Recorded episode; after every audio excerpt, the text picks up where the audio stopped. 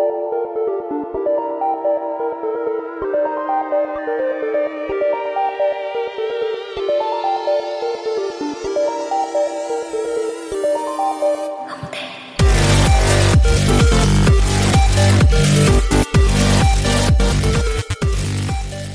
I witamy bardzo serdecznie w 161 odcinku e, podcastu Bezimienny. Słuchajcie, standardowo za pierwszym mikrofonem będzie Christian Kender, a ze mną, ze mną w studiu będzie również Rafał Radomyski. Cześć wszystkim, witam. E, I będzie z nami Michał Stiller. Witam wszystkich bardzo serdecznie. E, tak, e, słuchajcie, jedziemy 161 odcinek. E, od razu powiem, że Nagrywamy 16 czerwca, e, godzina 17 2020 e, roku. No i co? No i słuchajcie, no trzeba o tym powiedzieć, tak?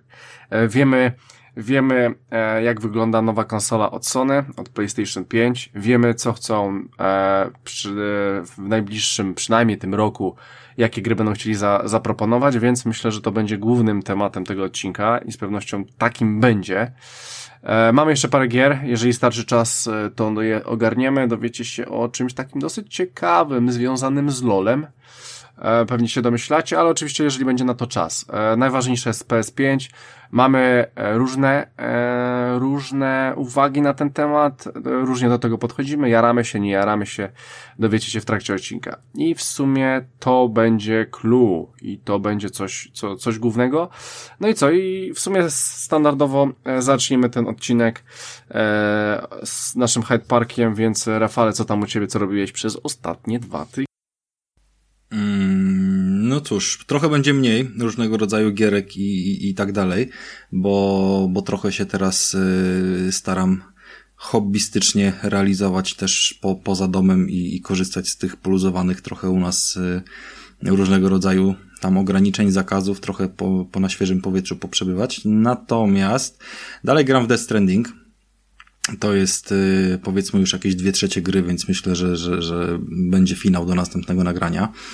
E, postanowiłem również e, po ostatnich jakichś tam recenzjach, które zostały upublicznione odnośnie The Last of Us e, dwójki, nie byłem jakoś strasznie zahypowany na tą grę, bo jedynka mi się na tyle, powiedzmy, może nie nie podobała, ale nie była w moim klimacie mm, w kontekście jakiegoś tam settingu tych, tych pseudo grzybo zombich, że, że, że kilkokrotnie już o tym mówiłem, że tam jej nie ukończyłem. Ale zrobiłem sobie zakupy growe łącznie w postaci ośmiu gier na playkę. E, gdzieś tam jakieś powynajdywane różne mm, ciekawe okazje, więc e, zalicza się do nich również e, The Last of Us jedynka i przypominam to sobie i nadrabiam, żeby też gdzieś tam po premierze The Last of Us 2, mm, może nie od razu, ale gdzieś tam po nie sięgnąć. Być może to będzie dopiero już na, na PS5. Natomiast no, pojawiły się tam pewne ciekawe komentarze w związku z y, jedną recenzją, która dość mocno zhejtowała to The Last of Us y, w kontekście mm, jakoby promowania i wciskania na siłę y, ideologii LGBT co, co w sumie gdzieś tam no, jakby nie jest tajemnicą spoilerową, bo to było widać po różnego rodzaju materiałach już wcześniej, że tam jest związek homoseksualny przemycony. No pytanie tylko, czy on jest przemycony, czy jest yy, główną osią fabularną, czy, czy, czy jest traktowany jako coś normalnego, czy jest traktowany tak, jakby był potraktowany w Polsce w Białymstoku i, i czy robią z tego wielkie halo, czy, yy, czy faktycznie w jaki sposób to się odbywa. No więc gdzieś tam te wszystkie ciekawe dyskusje sprowokowały mnie do tego, żeby yy, jedynkę The Last of Us yy, nadrobić. To też już zacząłem czynić.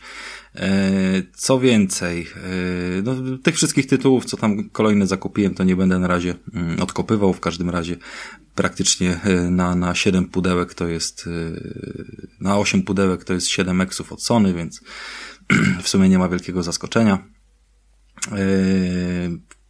Dodatkowo obejrzałem taki fajny serial, który się nazywa Space Force, Siły Kosmiczne. Wiąże się z nim wiele też ciekawych, e, ciekawych e, historyjek związanych chociażby z tym, że e, serial zaczął być produkowany i zastrzeżona została nazwa Space Force do wykorzystania jako marka Netflixa jeszcze zanim Stany Zjednoczone faktycznie założyły te siły kosmiczne, w związku z czym teoretycznie to oni mają prawa, żeby na przykład produkować jakieś koszulki z logiem i tego typu rzeczy. No i sobie ten serial obejrzałem. Tam jest, yy, no powiedzmy, że nie jest on na pewno idealny. Trzeba, trzeba się na pewno lubić yy, w jakichś tych tematach kosmicznych, trochę jarać na, na różnego rodzaju mm, pokazywane rakiety, klimaty, ujęcia oczywiście kosmosu też się tam mm, pojawiają, ale mamy fajnych aktorów których z nazwiska nie będę wymieniał, bo, bo w nazwiskach aktorów nigdy, jakby każdy sobie to może sprawdzić, możemy Krystian wyręczyć, ale no kojarzymy tam co najmniej kilka fajnych twarzy z różnych seriali, które wcześniej były. E, mamy byłego agenta FBI z, z mojego ulubionego serialu mm, Amerykanie, mówiącego o tych rosyjskich szpiegach. Mamy e, nie Brusa, tylko Ala Wszechmogącego z wielu komedii znanego aktora, pierwszy raz, którego widzimy, e, no, siwego już jako tego generała mamy Johna, Johna Malkowicza, tak? Chyba John Malkowicz to jest się ten aktor nazywa. No w każdym razie jest, jest kilka takich twarzy, które faktycznie robią ten, ten e, serial i, i dosyć dobrze, dobrze on wchodzi. Jest 10 odcinków pierwszych, każdy po tak dziwnie średnio, bo akurat po pół godziny trwają, więc, więc nie jest to ani 20, ani 40 taka typowa. E, no i cóż, no trochę stara się traktować na poważnie wszelkie rzeczy, ale jest to ewidentnie serial komediowy z mnóstwem różnego rodzaju gagów, kilkoma jakimiś powiedzmy trochę y, smutnymi, przykrymi elementami, no bo jednak jak się zaczynamy zastanawiać, to jednak nie są tam zbytnio pozytywnie rozpisane y, wszystkie historie i, i, i trochę aż się żal nam robi tych bohaterów, ale ogólnie wszystko jest podsycone solidną dawką y, humoru już zaraz po pierwszym czy po drugim. Praktycznie każdy sukces goni jakaś porażka, no bo jest to jakby y, wszystko mm, związane z wyścigiem kosmicznym 2020, już y, gdzie mamy trochę więcej tłoku w kosmosie, bo są jeszcze Ruscy, są jeszcze y, Chińczycy, być może pojawią się jeszcze jacyś inni, nazwijmy to, y, towarzysze, wrogowie, więc, więc oni tam sobie wzajemnie różnego rodzaju robią psikusy, nogi podkładają i, i z tego się dzieje różne, dużo ciekawych rzeczy. No, więc to jest taki mój serial na początek i, i co tam dalej, Krystian, u ciebie? W tą okay, stronę teraz będę ja. Okej, okay. E, słuchajcie, to mm, w takim razie, jeżeli jesteśmy przy tych filmowych, e, różnych dziwnych rzeczach, obejrza, obejrzałem sobie e, film, który, no bo ostatnio mieliśmy tą sytuację w Stanach, w Stanach, czyli mam, mam, mam na myśli Black e, Lives e, Matters i ogólnie Matters i, i, i ogólnie chciałem się trochę, że tak powiem, w, w, wczuć w ten temat, ogarnąć o co im chodzi, też mniej więcej. Dużo się na ten temat przeczytałem, dużo, dużo, dużo dziwnych, ciekawych rzeczy pooglądałem. No i obejrzałem sobie Czarne Bractwo, czyli Black KK, KK Clansman. Słuchajcie, E, bardzo dobry film w ogóle. E, on opowiada oczywiście o tym e, Ku który po prostu sobie był. No i, no i detektywi chcą się tam do niego dostać i chcą go rozwalić od środka.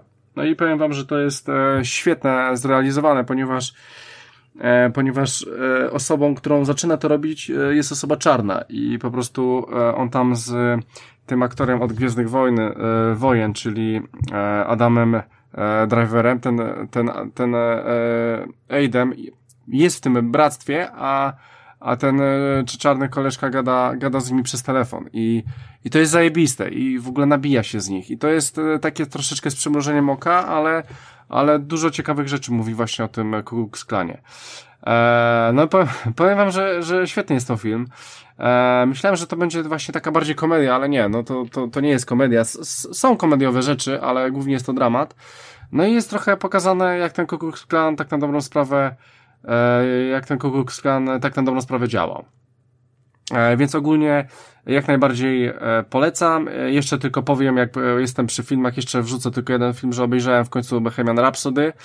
E, I poza tym, że film jest fajny i on fajnie to zagra i wszystko było fajne, to po prostu ten film był za fajny i dlatego do końca e, nie mogę się zgodzić, że jest tak zajebisty. E, no bo jest za fajny, a podobno Freddy taki nie był. No i to jest troszeczkę słabe w tym filmie, a szkoda, bo myślałem, że historia będzie mocniejsza. Ty Michale coś oglądałeś? Oglądałem i jak już jesteśmy przy tych klimatach czarnych braci i tak dalej, to wrzucę coś do Hater Zone, żeby mieć to po prostu za sobą. Mówiłem uf, ci już wczoraj uf, nawet, tak, że tak, obejrzałem krapa. Ach, nowość na Netflixie, 12 czerwiec yy, wszedł na film Pięciu Braci na Netflixa. I początkowo myślałem, że będzie to coś spoko. E, chodzi o piątkę czarnoskórych weteranów wojennych, którzy walczyli w Wietnamie. Wraca po bardzo długim czasie do Wietnamu, żeby odnaleźć szczątki swojego byłego dowódcy Normana i zakopane złoto, które zakopali. E, znaleźli po prostu, jak walczyli w Wietnamie, złoto, które było przeznaczone do zapłaty tam jakimś żołnierzom.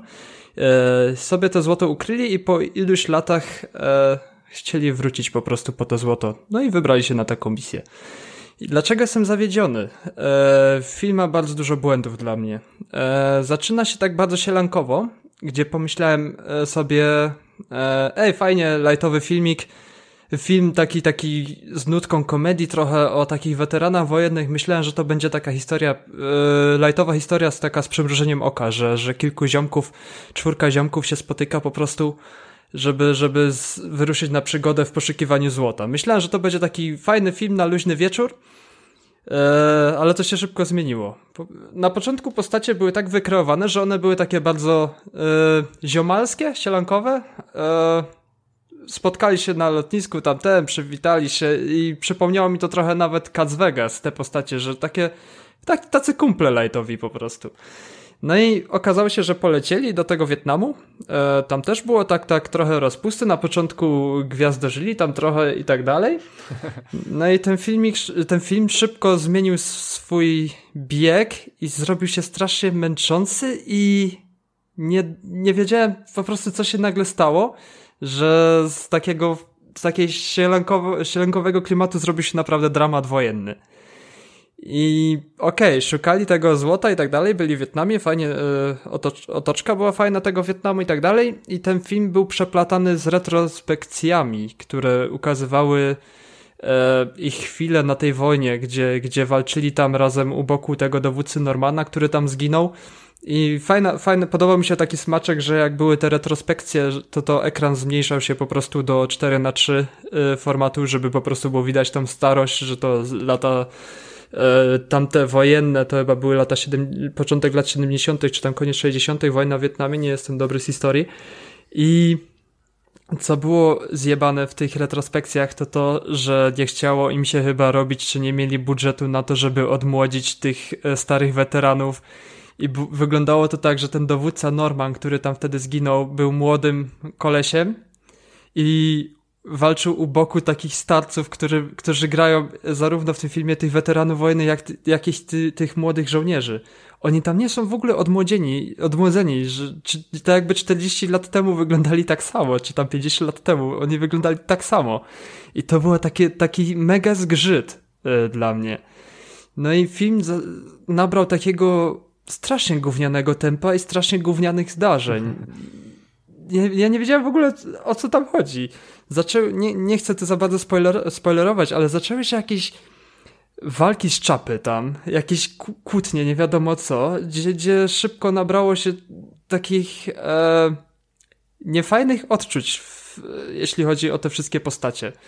Okej, okay, oni chcieli, e, tym filmem reżyser chciał, chciał pokazać, że Ameryk Amerykanie walczący w, w Wietnamie to bardzo dużo ludzi czarnoskórych było i że, że kraj jeszcze się nie rozliczył jako USA e, z tymi czarnoskórymi i też było nawiązanie właśnie do tego, co się aktualnie dzieje w, w Ameryce i okej, okay, może jest to problem dla tych weteranów wojennych, że oni nie są rozliczeni dalej, że oni jako czarnoskórzy walczyli pod flagą Ameryki w Wietnamie, czyli określili to, że to było, nie była ich wojna. Tylko w takich filmach, dramatach wojennych można to lepiej przedstawić, a nie w taki sposób, że nie wiadomo jak się do tego dostosować, bo po tym jak rozpoczęło się sielankowo, nie, nie potrafiłem nabrać, brać tych postaci poważnie. Oni byli przedstawieni tak jak, jak, takie ziomale i później nie dało się ich po prostu, nie dało, nie dało się wczuć ich ból i tak dalej, bo po prostu oni byli na przygodzie w poszukiwaniu złota. I strasznie się to oglądało. Jeśli ktoś chciałby to obejrzeć, to odradzam. Są lepsze pozycje i w porównaniu do, do Cargo, które sejtowałem w zeszłym odcinku, to lepiej chyba sięgnąć po te Cargo właśnie po ten ładunek? Ładunek. E, ładunek po ładunek no. niż, niż zobaczyć pięciu braci. Film trwa 2,5 godziny mniej więcej. Strasznie się wynudziłem. Po prostu, okej, okay, początek był spoko, jakaś tam dynamika była, akcji i tak dalej, ale z myśl, jakbym, jakbym w kinie był na tym i zapłaciłbym bilet, to, to wyszedłbym chyba. Nie dałbym rady wysiedzieć do końca, ale to, że, że siedziałem po prostu lajtowy wieczór przy Netflixie, to dotrwałem do końca, bo czułem, że muszę to zobaczyć, żeby o tym opowiedzieć i odradzić, więc pięciu braci. E... No z kanapy własnej byś nie wstał, ale z kina byś wyszedł, kurwa. No, tak, no, Czułbym się naprawdę oszukany, że zapłaciłem za, za bilet w kinie za, taki, za takiego krapa. A tak to obejrzałem do końca, jakoś zacisnąłem zęby, bo mi się nie chciało już nic nowego szukać, a... więc nie polecam. Mhm. Nie wiem, te, te retrospekcje to było najbardziej chyba coś, co mnie bolało, że po prostu te stare postacie grały w tych retrospekcjach, które działy się 20, nie, 40, 50 lat temu. Mogli podłożyć po prostu innych aktorów, cokolwiek zrobić komputerowo, nie wiem. Nie znam się na, na tych wszystkich sztuczkach filmowych, ale na, na pewno dało się coś zrobić, nie wydając milionów dolarów na, na produkcję. Po prostu zjebali i tyle. Rafał? A ja bym chciał teraz wam powiedzieć, żeby nie robić z tego dodatkowego tematu, bo, bo tak jak mówiłem, tych u mnie jest mniej, ale pisałem wam o tym, że powstała taka usługa jak Plenty i mi się ciągle pojawia e, w różnego rodzaju e, reklamach, czy, czy to na Facebooku, czy gdzieś indziej, no jest to jakby mm, aplikacja na, e, na Google, więc, więc się tam starają reklamować i rozwijać. Nie wiem, czy wy sprawdziliście temat, czy u was coś takiego też e, się już pojawiło, ale, ale cóż, no powiem, powiem, powiem, co tam zobaczyłem, jak zainstalowałem sobie tą aplikację, jakby korzystać jeszcze z tego nie korzystałem jako z usługi, ale być może jak będzie właśnie kolejna generacja konsol, to, to będzie jakieś tam powiedzmy rozwiązanie. Ponieważ Plenty służy do wypożyczania sprzętu, yy, głównie związanego z grami, ale zauważyłem, że już się mocno rozszerza na przykład też o mm, różnego rodzaju dodatkowe yy, historie, jakieś yy, aparaty tam, wiecie, mm, profesjonalne, jakieś mikrofony, żeby zrobić jakieś nagranie, jakieś kamerki GoPro i, i tego typu rzeczy. Całość jest oczywiście utrzymane w stylistyce mm, Google Eats, dostawy jedzenia i ogólnie wiecie, trzy kliknięcia, dodanie karty i przywożą wam sprzęt do domu. Wszystko z ceną jakby jest yy, ustalone. Na razie chyba za specjalnie to nie jest yy, jeszcze popularne, bo tam yy, statystyka na, na Google pokazuje raptem yy, tysiąc pobrań, pobrań tej aplikacji, gdzieś tam od końcówki zeszłego roku. Ale w gruncie rzeczy, biorąc pod uwagę, że tam za, za kilka dyszek można sobie y, pożyczyć jakąś konsolę z jakąś grą, jeżeli oni oczywiście mają mm, odpowiednią bazę, yy, biorąc pod uwagę, jak czasami jakieś takie rzeczy typu kamera GoPro albo powiedzmy yy, jakaś konsola do, do, do nowej gry, dajmy na to, no nie wiem, tak jak ja miałbym ochotę przejść singla w Halo nowym, które wyjdzie na, mm, na Xboxie nowym, tak, no to myślę, że wtedy bym prędzej skorzystał z wypożyczenia takiej konsoli na, na, na, na dwa, trzy wieczory i jakby sobie po prostu tą grę przeszedł, niż od razu gdzieś tam inwestował w konsolę. I tak chciałem wam podrzucić takie, takie info, że coś takiego się pojawia, no bo wy obydwaj jesteście gdzie indziej, więc pewnie tych reklam nie mieliście. Ostatni raz pamiętam jak wypożyczanie konsol i, i wtedy to chyba było w, powiedzmy, że jakoś tam opłacalne w kontekście tygodnia, bo chyba trzeba było stówkę zapłacić za tydzień, a, a, a 20 zł za jeden dzień, y, plus oczywiście jakieś tam dopłaty za drugiego pada i tak dalej, to jeszcze za czasów PS1 w jakichś takich salonach gier, mm, które nie miały automatów, tylko po prostu ileś tam konsol i telewizorów powstawianych i kanap i można było sobie tam grać na godziny, grać po multiplayerze, jeszcze napady i, i taki typowy e, salon gier, przynajmniej typowy dla mnie, bo taki był akurat u mnie w mieście. I to była ostatnia historia, z jaką pamiętam, z możliwością wypożyczenia konsoli do domu i, i, i, tak w ogóle tego tematu nigdzie za specjalnie nie było reklamowanego i teraz nagle wjeżdża taka usługa nowa, ciekawa i się zastanawiam, no jakby czy może Xbox ze swoim Game Passem nie jest najlepszym pomysłem, ale czy, czy może to nie jest dobry sposób, żeby sobie tam od święta ograć jakiegoś ekskluzywa na przykład jak wychodzi, zamiast koniecznie inwestować w dwa sprzęty. A y, ty, no. cenowo Rafale wspominałeś ile coś takiego kosztuje? Yy, wiesz co, nie mam teraz tej aplikacji zainstalowanej. Yy, wydaje mi się, że tam było coś około 60 zł za dobę przy konsoli, jako że taka cena się wyświetlała. Yy, wydaje mi się, że już w pełnym tam zestawie z jakąś grą czy, czy, czy dostępem do tych gier. Bo gier w ogóle nie było jakby do wyboru, w związku z tym zakładam po prostu, że one musiały być gdzieś tam wrzucone jako wiesz, że dowolny wybór masz w co tam chcesz pograć. Yy, no i, nie wiem, czy tam nie ma jakichś zniżek, jeżeli to miałoby właśnie, wiesz, sprowadzać się do, do jakiegoś tam mm, dłuższego okresu, nie? Załóżmy tygodnia zamiast, yy, zamiast dnia. No ale na, na pewno to nie było 20 zł teraz, tylko, tylko tam koło 60. Nie pamiętam dokładnie, dlatego że przeglądałem sobie ceny różnego sprzętu, właśnie wliczając ten mm, sprzęt profesjonalny. I zauważyłem, że oni tam dosyć mocno starają się zaspokoić różnego rodzaju y, oczekiwania graczy, a tam w komentarzach nawet ktoś napisał, czy karty graficzne będzie można wypożyczyć, więc y, naprawdę dobre pomysły mają ludzie. No bo, mi by się nie chciało już specjalnie wypożyczać karty i wkręcać je do komputera, ale co ja się tam znam na PC-tach. Może koparki hmm. chcieli robić do bitcoinów. wiesz, na pewno, y, na pewno jest sporo tego rodzaju sprzętów i to jest jak taka, taka moja refleksja, bo to się zaczęło od konsol i to jest jakby, dlatego jestem targetem dla tych reklam i dlatego mi się to pojawiło, bo wszędzie gdzieś tam są te giereczki. Natomiast yy, biorąc pod uwagę, że oni różnego rodzaju inny sprzęt yy, wypożyczają, to niewykluczone, że z tych usług czasami będzie po prostu warto skorzystać, bo nie zawsze powiedzmy yy, chce się pożyczać coś od znajomego, nie zawsze znajomy ma to, co chcesz, nie zawsze chce ci się tłumaczyć. Yy, dodatkowo wchodzą w grę jakieś koszty powiedzmy potencjalnego zniszczenia tego sprzętu, gdzie sprzęt wypożyczany raczej domyślnie jest ubezpieczony od takiego zniszczenia i, i łatwiej jest o wiele to ogarnąć, chociaż w tej akurat kwestii wchodzą w grę jeszcze ubezpieczenia, więc, więc nawet się nie ma za specjalnie co nad tym rozwodzić. Yy, I są takie rzeczy, które jak się zastanowiłem chwilę, to pomyślałem, że sam bym mm, chętnie wypożyczył, na przykład yy, nie pamiętam, czy one są teraz dostępne w tej, w tej aplikacji, ale yy, niewykluczone, że po prostu też się pojawią po jakichś tam sugestiach, na przykład takie w marketach się pojawiły y, plenerowe głośniki imprezowe, takie wiecie, jak skrzynki całe, nie? Od razu tam z, z jakimś mikserem czy coś w tym stylu. Nie, nie taki do ręki, tylko taki raczej na kółkach wózek, nie? No to by była świetna sprawa, żeby taki głośnik móc powiedzmy za, za stówę wypożyczyć na, na tą imprezę na noc, a, potem po co on ma ci zajmować miejsce, po co masz go gdzieś tam, wiesz, wydawać 2000 złotych na taki sprzęt i, i trzymać go, wiesz, żeby użyć dwa czy trzy razy w roku, nie? No więc. Myślę, że dobry pomysł by był, żeby drony tak wypożyczać po prostu, bo ludzie, ludzie nie stać na drony, e, a mają czasem jakąś, nie wiem, okazję gdzieś coś Wydaje mi się, że w odniesieniu do dronów jest e, o tyle problem, chociaż nie pamiętam też, czy tam było, że to jest wyjątkowo łatwy do uszkodzenia sprzęt.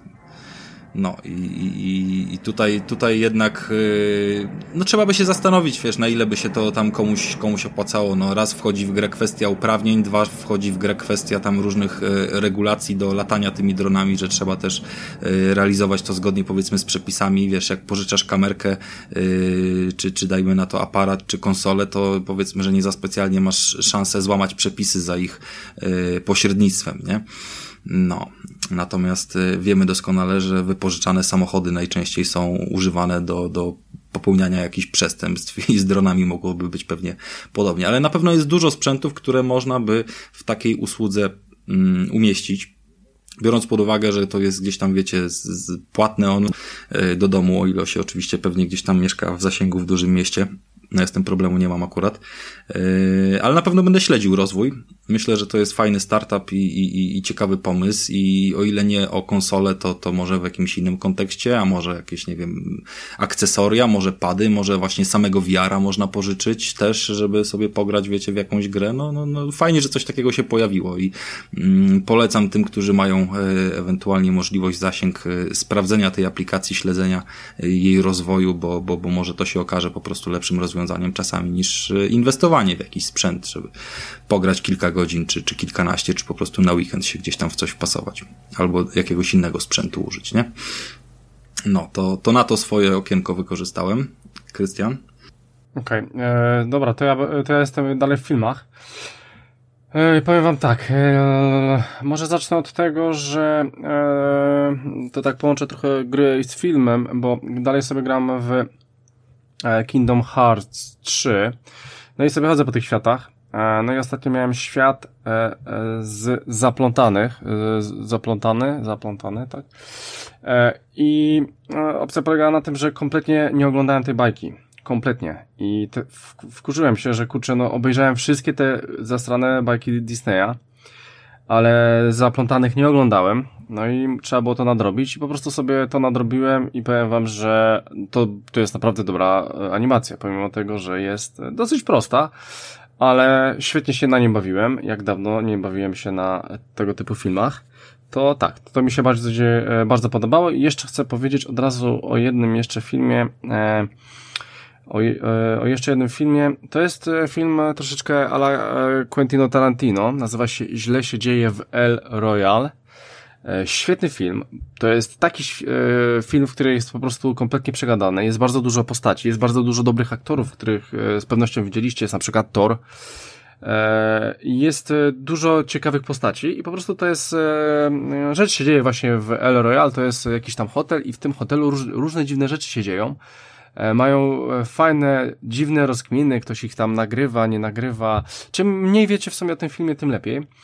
Ale po prostu e, rzeczy, jakie tam się dzieją, no po prostu są zajebiste. Ktoś po prostu, no nie, nie chcę wam spo spoilerować, ale, ale jeżeli lubicie Tarantino i jeżeli lubicie taką po prostu akcję, w której może was, może się stać wszystko, jak najbardziej to polecam, bo to jest rewela rewelacyjne. E, I, I ja się na tym świetnie bawiłem, więc e, polecam. Źle się dzieje w El Royal. To było coś zajebistego. E, Michael? Ja pograłem na Switchu znowu. Switch u mnie stałym programem, punktem programu jest ostatnio. W Splatuna dwójkę. Wróciłem sobie do Splatuna dwójki. Nie jest to jakiś super nowy tytuł, ale jest to tytuł, którego chyba trzeba ograć na Switchu. Jest to jeden z najlepszych multiplayerów, jakie grałem w ogóle. I dlaczego? Gry na Nintendo mają to do siebie, że one są bardzo kolorowe i tak dalej, ale to są takie gry, które łatwo zacząć, a ciężko wymasterować. I takim właśnie, tak, takim właśnie, taką właśnie pozycją jest e, Splatoon 2. I nie musimy tutaj nie wiadomo jak fragować i tak dalej, nie wiadomo jakiego mieć skilla, tylko po prostu trzeba trochę pomyśleć z Platunie. A chodzi o to, żeby po prostu walczyć na farbę i żeby jak najwięcej na mapie zamalować w ciągu kilku minut, kiedy trwa runda. Zwykle są, nie wiem, parę minut, szybko to zlatuje. I naszym zadaniem jest zamalować jak najwięcej powierzchni e, na mapie, na planszy. Jest tam ileś plansz i plansze mają rotacje, różne są, zamieniają się co godzinę. I gramy sobie czterech na czterech i łoimy po prostu farbą różnymi, różnymi metodami, bo mamy różne, różne przyrządy do rozlewania farby, do malowania i możemy też zamalowywać, bo to się nie nazywa zabijanie wrogów y, w przeciwnej drużynie, tylko zamalowywanie ich. I, czyli gramy sobie na przykład w drużynie, gdzie mamy niebiesko, niebieską farbę, gramy przeciwko żółtym i malujemy. Mamy do dyspozycji różne y, bronie, które wyszczeliwują farby, y, mamy wałki, pędzle, czyli wszystko, co z farbami związane i jesteśmy ośmiornicami? Tentacles? Ośmiornica? Chyba tak. Jesteśmy takimi mhm. ośmiorniczkami, które tam tak, biegają tak, z, tymi, tak, z, tymi, z tymi brońmi i, i zamalowują tą mapę. E, koncepcja wydaje się bardzo prosta i bardzo przyjazna, ale żeby wygrywać i jak się ma naprawdę przeciwników ogarniętych, to trzeba mieć naprawdę też ogarnięty swój team, żeby po prostu stawić im czoła. I wtedy już wchodzą naprawdę taktyki, że, że trzeba flankować i tak dalej, i bomby się rzuca, i, i każda postać ma jakieś inne umiejętności, i trzeba się tak dopasowywać, że ktoś jest bardziej ofensywny, a ktoś z tyłu z szerokim wałkiem po prostu robi grube ścieżki z tą farbą i, i, i jakoś, jakoś wtedy ta, ta, ta szala się przeważa cały czas, że raz ktoś nam zajdzie od boku, zamaluje nam połowę planszy, raz my gdzieś tam i zawsze, zawsze jest akcja. Te, te mecze to jest naprawdę cały czas spina, cały czas rozkmina, gdzie teraz dojść i tak dalej. I, i bardzo często są właśnie starcia, że, że wyskakuje na nas jakiś wróg, rzuca nam bombę z farbą i ta bomba może nas zabić, więc możemy się po prostu albo ukryć w naszej farbie, gdzie też możemy zostać zamalowani. I jest, jest, dzieje się po prostu na tym. Gra wygląda cukierkowo. Yy, oglądałem raz nawet zawody esportowe, gdzie po prostu jak zwykle zawody esportowe oglądam, to jest to Counter-Strike, gdzie stary, starzy wyjadacze siedzą przy tych kompach i, i łoją w tego CS-a, a jak oglądałem zawody esportowe z Platu na dwójkę z ciekawości, to siedziały tam same dzieciaki ze swoimi rodzicami za nimi. I to był taki świetny widok, że te dzieciaki naprawdę na wysokim poziomie gdzieś tam grały. E, polecam każdemu. E, nie wiem, czy od początku był tryb hordy, ale spróbowaliśmy też sobie zagrać w tryb hordy, gdzie po prostu jest tryb kooperacyjny, gdzie zbiera się jajka i tak dalej i strzela się razem w czwórkę, jak, jak w Gearsach. Nachodzą nowe fale wrogów, a my po prostu dzierżąc nasze losowe bronie, od, odpieramy atak wrogów i, i co czyni ten tryb naprawdę świetnym trybem kooperacyjnym, więc Platon 2 jest pozycją naprawdę do polecenia, jeśli chodzi o Nintendo Switch. Chyba pozycja obowiązkowa, więc jak najbardziej polecam. Tylko, że to jest to tytuł, tytuł tylko online, nie? Yy, single player też jest tam jakaś kampania, ale nie grałem w to. Ja od razu wchłonąłem yy, multiplayera, bo single nie jest jakiś, jakiś super. Chociaż dużo głosów zadowolenia słyszałem, że, że po prostu ludzie się bardzo dobrze bawią na singlu, ale nie, nie próbowałem. Bo jak, jak e, ustawiamy się na grę, to od razu skakujemy w multi czy tam w hordę i, i łoimy w to. Może kiedyś do singla też wrócę, żeby sobie z ciekawości obczaić, bo sing, tryb single player e, jakieś bonusy dodaje po prostu do multi że możemy jakieś tam sobie koszulki czy, czy buty, o właśnie, o tym też warto wspomnieć, koszulki, buty odblokować, a różne koszulki, różne rzeczy, które czapki, buty, koszulki i bronie można zmieniać na swojej postaci. I każda koszulka, każda część stroju ma jakieś osobne atrybuty, które można dopasować do siebie. Na przykład możemy sobie założyć czapkę, która nada, da, da nam bonus do, do szybkości pływania pod swoją farbą, bo możemy się zanurzać, żeby przeładować broń, żeby się naładować farbą. Możemy założyć do tego, nie wiem, koszulkę, która nam przyspiesza regenerację farby i, i po prostu dos, dopasowywać sobie różne taktyki pod swoją postać. No i mamy różne, różne ulty, które ładują się w miarę za, zamalowywania terenów, zdobywamy punkty.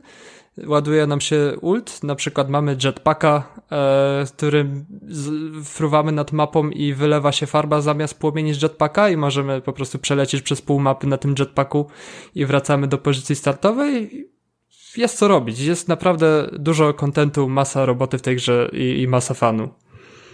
Mhm, okej. Okay. E, dobra, wy, Rafale, dasz radę? E, dobra, to Rafała nie ma to u mnie. Słuchajcie, to ja jeszcze powiem, że oglądałem. E, słuchajcie, no wiemy, że. Dobra, zacznę od tyłu. Wczoraj sobie obejrzałem e, film na Filmwebie, nazywa się Ukryta Gra. To jest polski film.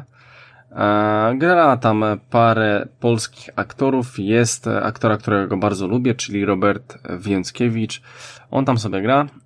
Faktem jest, że to jest po prostu o, o, o turnieju szachowym w czasach zimnej wojny, który, który to turniej rozgrywa się w Pałacu Kultury, Kultury i Nauki w Warszawie. Więc ogólnie to jest taki e, amerykański film z polskimi aktorami w takich polskich rela, e, w polskich realiach troszeczkę. Może nawet nie, nie do końca jest amerykański, bo mamy po, polskiego reżysera nawet. E, i, i dzieje się w Polsce, ale, ale tak, tak trochę kąsi e, takim ho Hollywoodem delikatnie. Mm, powiem wam, że dobrze się to ogląda. Jest e, to thriller e, z różnymi tam takimi dziwnymi elementami szpiegowskimi i, i, i, i sensacyjnymi. E, powiem wam, że dosyć ciekawie się to ogląda, szczególnie tych polskich aktorów na tle tych angielskich aktorów, gdzie ci polscy próbują po prostu mówić po angielsku. No i to śmiesznie wychodzi, tak? ale, ale tak, film jak najbardziej w, porządku, można go sobie obejrzeć, nie jest to jakaś rewelacja, ale, ale taka, myślę, że taka fajna, e, fajna, solidna produkcja e, po polsku i po angielsku, więc e, możecie sobie to e, odpalić. E, jest fajnych, e, ogólnie film jest po angielsku, ale jest fajnych, sporo fajnych polskich motywów, jakiś polskie radio leci w tle, e, czy, czy często przeklinają po prostu po polsku, a ci aktorzy mm, oczywiście dalej później mówią po angielsku. Więc e, jak najbardziej, słuchajcie, e, możecie sobie to obejrzeć. E, szczególnie, że jest to na Netflixie za darmo. To jeszcze zostanę przy tych filmach e, i ze względu na to, że ostatnio jaram się też trochę tym kosmosem, tymi rakietami, to co tam się wydarzyło, troszeczkę w tym siedzę, no to sobie e, obejrzałem e, The Mars Generation.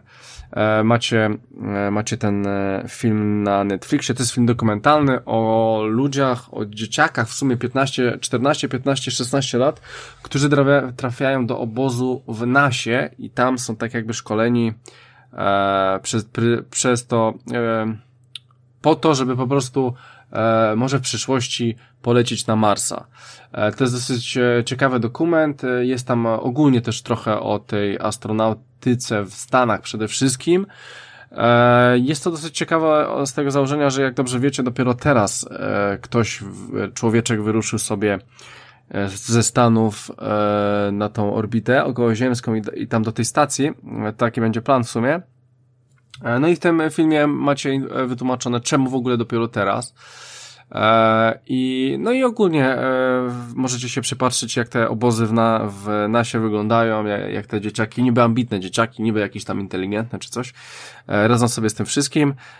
No i jak te ambicje ich tam w jakiś sposób ich no po, ponoszą do, do tego, żeby tam e, uczyć się tego wszystkiego, jakiegoś kodowania i, i ogólnie przyszłego życia ewentualnie na takiej planecie. E, naprawdę, fa naprawdę fajny dokument, e, polecam wam, szczególnie jak siedzicie w tych klimatach. No i się mówi, że ten Mars e, kiedyś uderzy, ale to jeszcze tak około 10-15 lat, no. tak, i to w sumie chyba to, dzięki e, Elon, e, Elonu Muskowi tak najbardziej, bo on, on ma tego, e, tą, tą, tą całą firmę. E, faktem jest, obejrzyjcie sobie, e, jest to dosyć ciekawa przygoda z astronautyką. E, dobra. A czy oglądałeś film Marsjanin w ogóle? No właśnie nie i w ogóle ten film jest też w tym, w tym filmie dokumentalnym, żeby było śmiesznie. E, więc... Bo jest na Netflixie, nie wiem jak, czy, czy u ciebie też jest na Netflixie, u mnie jest, ja... ale ja... No mów. Ja mam w ogóle ten e, film. E, mam ten film i ja sobie go obejrzę. Na, najgorsze jest to, że oglądam dziewczyna, moja dziewczyna go oglądała, ale sobie spokojnie go obejrzę i mam, e, w ogóle e, ostatnio na Discovery był dwugodzinny e, seri- film dokumentalny o tym starcie, co był właśnie teraz parę dni, parę tygodni temu, w sumie dwa czy trzy tygodnie temu. To też spoko. Marsjanina na pewno obejrzę. Jeszcze jest ten film z Bradem Pittem. E, on się bodajże nazywa Ad, e, e, czekaj, kurczę, on, on, on też jest o tym, jak e, o jakiejś tam wyprawie w kosmos właśnie Brada Pita. On się fajnie nazywa, kurczę, już nie pamiętam, Ad Astra, o, Ad Astra się nazywa, to on e, podróż, podróżuje przez Układ Słoneczny w celu odnalezienia e, dobra, e, ojca, no nieważne, ale ogólnie jest fajnie kosmiczny i też jest właśnie w tego typu klimatach, więc to też będę musiał nadrobić. I jeszcze jest fajny serial Zagubieni w kosmosie o podróżach kosmicznych i problemach, które wydarzyły się z podróży z galaktyki do galaktyki. Ale jest taki że tak powiem, taki może być realny, czy taki ostro. E, to już, to już ostro sci-fi no zajeżdża. No to, to ja ale, chciał... ale jest do, warte polecenia. No, Jedna no. z fajniejszych pozycji, jakie widziałem ostatnio. Yy, widziałem go, on ma chyba dwa sezony z tego, co patrzyłem. Mhm. Yy, myślałem o nim, ale właśnie tak sobie pomyślałem, że jest taki prze, prze mało realny. O, o tym mi bardziej chodziło. Ja bym sobie obejrzał coś takiego, wiesz. Teraz siedzę jak, jak w tych, oglądam sobie jak w tych rakietach, nie wiem, załatwiają się, śpią i w ogóle, co oni tam w nich robią przez 9 miesięcy, nie? E, na orbicie, więc e, to, ja ostatnio mam, mam takiego dziwnego e, bakcyla. E, no, no dobra, to tyle jeśli chodzi na razie u mnie. Rafale, wiem, że już jesteś, co tam u ciebie? Mm, no to ja chciałem wam powiedzieć o takim ciekawym wynalazku jak y, Ring Fit. Ring Fit Adventure. A, tak, na Nintendo. O dziwo na Switch. Udało ci się kupić? Udało się ogarnąć tego Ring Fita. E, wiem, że jest to sprzęt niebywale niedostępny i, i, i jakby z tego wynika też poniekąd chęć e, z zobaczenia jakby o co w tym chodzi i czy faktycznie to jest takie fajne. Mm, no więc o co tak naprawdę chodzi? No powiem wam, powiem wam tyle, co mi się udało mm, sprawdzić, jakby tych recenzji też mm, nie brakuje, natomiast no przede wszystkim jest to gra na Switcha, która w zestawie ma dodatkowe akcesorium, a tak naprawdę dwa. Jednym z nich jest opaska na udo, w której umieszczamy jednego joycona, a drugim jest e, zrobiona z bardzo e, elastycznego i wytrzymałego materiału mm, taka metalowa, znaczy to jest tworzywo jakieś, to nie jest metalowe, ale wygląda tak powiedzmy solidnie. Mm, taki pierścień, krótko mówiąc, który ma uchwyty, y, co ważne, zdejmowane, żeby móc je uprać w pralce, jak się tam y, załóżmy spocą nam dłonie i, i zacznie to już być takie lekko nieświeże. Również y, ma uchwyt na Joy-Cona i czyta ruchy tego Joy-Cona, jakby biorąc pod uwagę, że my trzymamy ten pierścień. No, ale z uwagi na to, że to jest odpowiednio elastyczne, to ten pierścień można mm, praktycznie zginać, e, aż dłonie się nie złączą oraz rozciągać również e, dosyć solidnie i on jakby wcale się nie odkształca. Jest na tyle sprężysty, że mm, żadnych śladów po tym odkształceniu mm, nie ma, a dzięki temu, że e, te uchwyty na dłonie są również takie przyjemne i miękkie, to bardzo dużo jakby razy też e, nie używamy go w sposób taki naturalny, tylko trzymając e, w obu dłoniach, ale również mamy jakieś dodatkowe e, ćwiczenia. No bo przede wszystkim chodzi tutaj o ćwiczenia. Gra Ring Fit Adventure, która jest jakby podstawowym elementem tego zestawu, to jest tak naprawdę osobisty trener. Tam sobie zakładamy konto, wprowadzamy wszelkie wartości nasze, jakieś e, typu, typu płeć, waga, robimy sobie jakiś przykładowy trening, który ocenia nasze mm, obecne możliwości. E, dzięki opasce na nodze e, gra wie, jak wysoko ją podnosimy, jaki mamy kąt, czy robimy to szybko, czy wolno. Mm, dzięki tej, temu Joy-Conowi założonemu na opasce, on też ma czujniki, wie, jak mocno go ściskamy, czy udaje nam się to utrzymać, zrobić do końca, więc jakby cała gra się dopasowuje mm, do nas. Tam jest bardzo wiele trybów, znaczy wiele. Są tyle, ile ich powinno być, tak naprawdę tyle jest, ponieważ no przede wszystkim jest jakaś gra przygodowa, e, w którą e, gramy sterując e, właśnie w taki sposób, że musimy mm, poruszać nogami, biegać, truchtać, chodzić, żeby się poruszać, a jednocześnie tym pierścieniem nasz bohater na telewizorze ma dokładnie taki sam pierścień, który jest oczywiście jakiś tam magiczny, zaklęty, no i strzela jakimś tam ogniem w momencie, gdy go ściskamy. Więc y, podczas biegania sobie w ten sposób zbijamy jakieś, y, załóżmy, skrzynki, punkciki. Y, z wykorzystaniem tego pierścienia walczymy z bossami. Mm, przy czym często jest tak, że często jest tak, że to nie jest po prostu stanie i ściskanie tego pierścienia, tylko konkretne mm, postacie, przeciwnicy potrzebują jakichś wymyślnych ruchów, czyli na przykład mm, gra nam się każe usadzić na tyłku i, i robić na przykład rowerek albo coś jeszcze innego. I oczywiście im dłużej wytrzymamy, albo im dłużej coś przyciśniemy, tym jest większa uderzenia, albo jest ono bardziej celne, więc automatycznie się uruchamia taka, wiecie, Yy, dziwka na punkty i, i, staramy się te punkty po prostu zdobywać. Więc to jest yy, jakby aspekt przygodowy tej gry. Yy, drugi wariant to są czyste treningi, takie, takie na zasadzie, że możemy sobie wybrać e, konkretne, pojedyncze, każde ćwiczenie, które jest jakby w tej grze mm, przewidziane, każde pojedyncze i je sobie po prostu wykonywać. E, kolejnym mm, rozwiązaniem jest e, robienie jakichś tam seryjek różnych tych ćwiczeń w oparciu o minigierki i minigierki, które są, jak zakładam, bo oczywiście tej gry jakby mm, nie przeszedłem i, i to nie o to chodzi, żeby gdzieś tam przefrunąć sobie przez tą przygodę. Mm, zakładam, że one są gdzieś tam powyciągane z głębi, a być może dodatkowo wrzucone. Szereg różnych gierek, które y, również łączą zestawy ćwiczeń, powodują, że na przykład trzeba strzelać y, poprzez ściskanie oczywiście tego ringfita na czas, na punkty w jakieś tam beczki, które spadają za to. Oczywiście łapiemy punkty, oczywiście można je gdzieś tam umieścić sobie mm, na tablicy online i to y, pomaga gdzieś tam się pochwalić znajomym, którzy tej gry nie mają, bo jest niedostępna.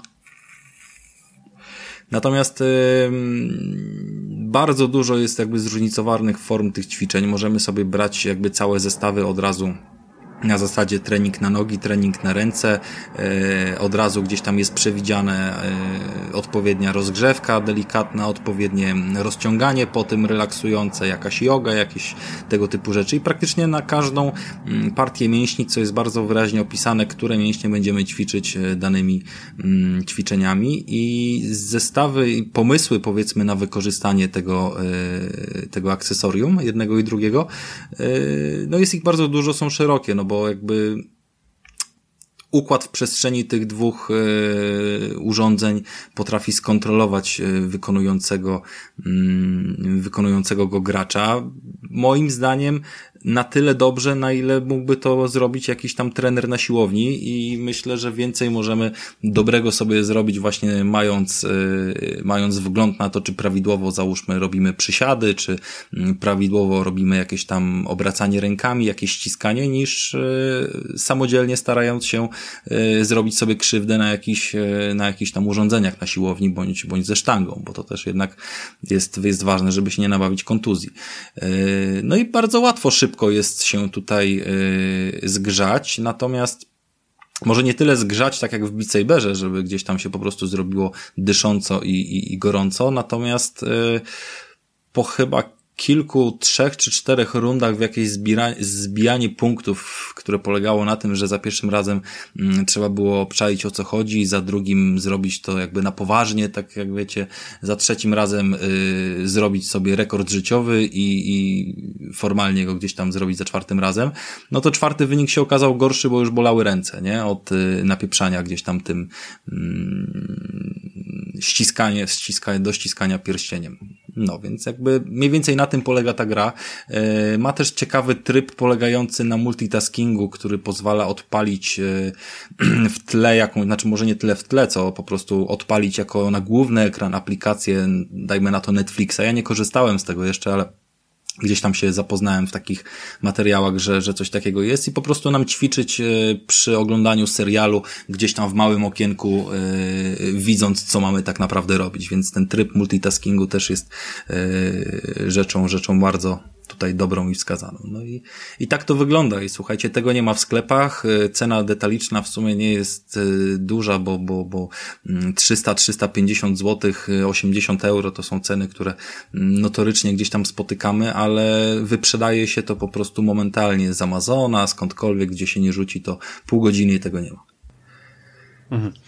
E, dobra, E, w takim razie e, to u Rafała, po Rafale, a po Rafale byłem ja, Boże, po Rafale byłem ja, ale byłem też ostatnio. To Michał, co tam u ciebie? E, jeszcze jedną rzecz mam w sumie i to taką ciekawostkę w sumie, bo brałem udział w czymś pierwszy raz w życiu, w czym chciałem zawsze wziąć udział. I są to sesje RPG. No brawo.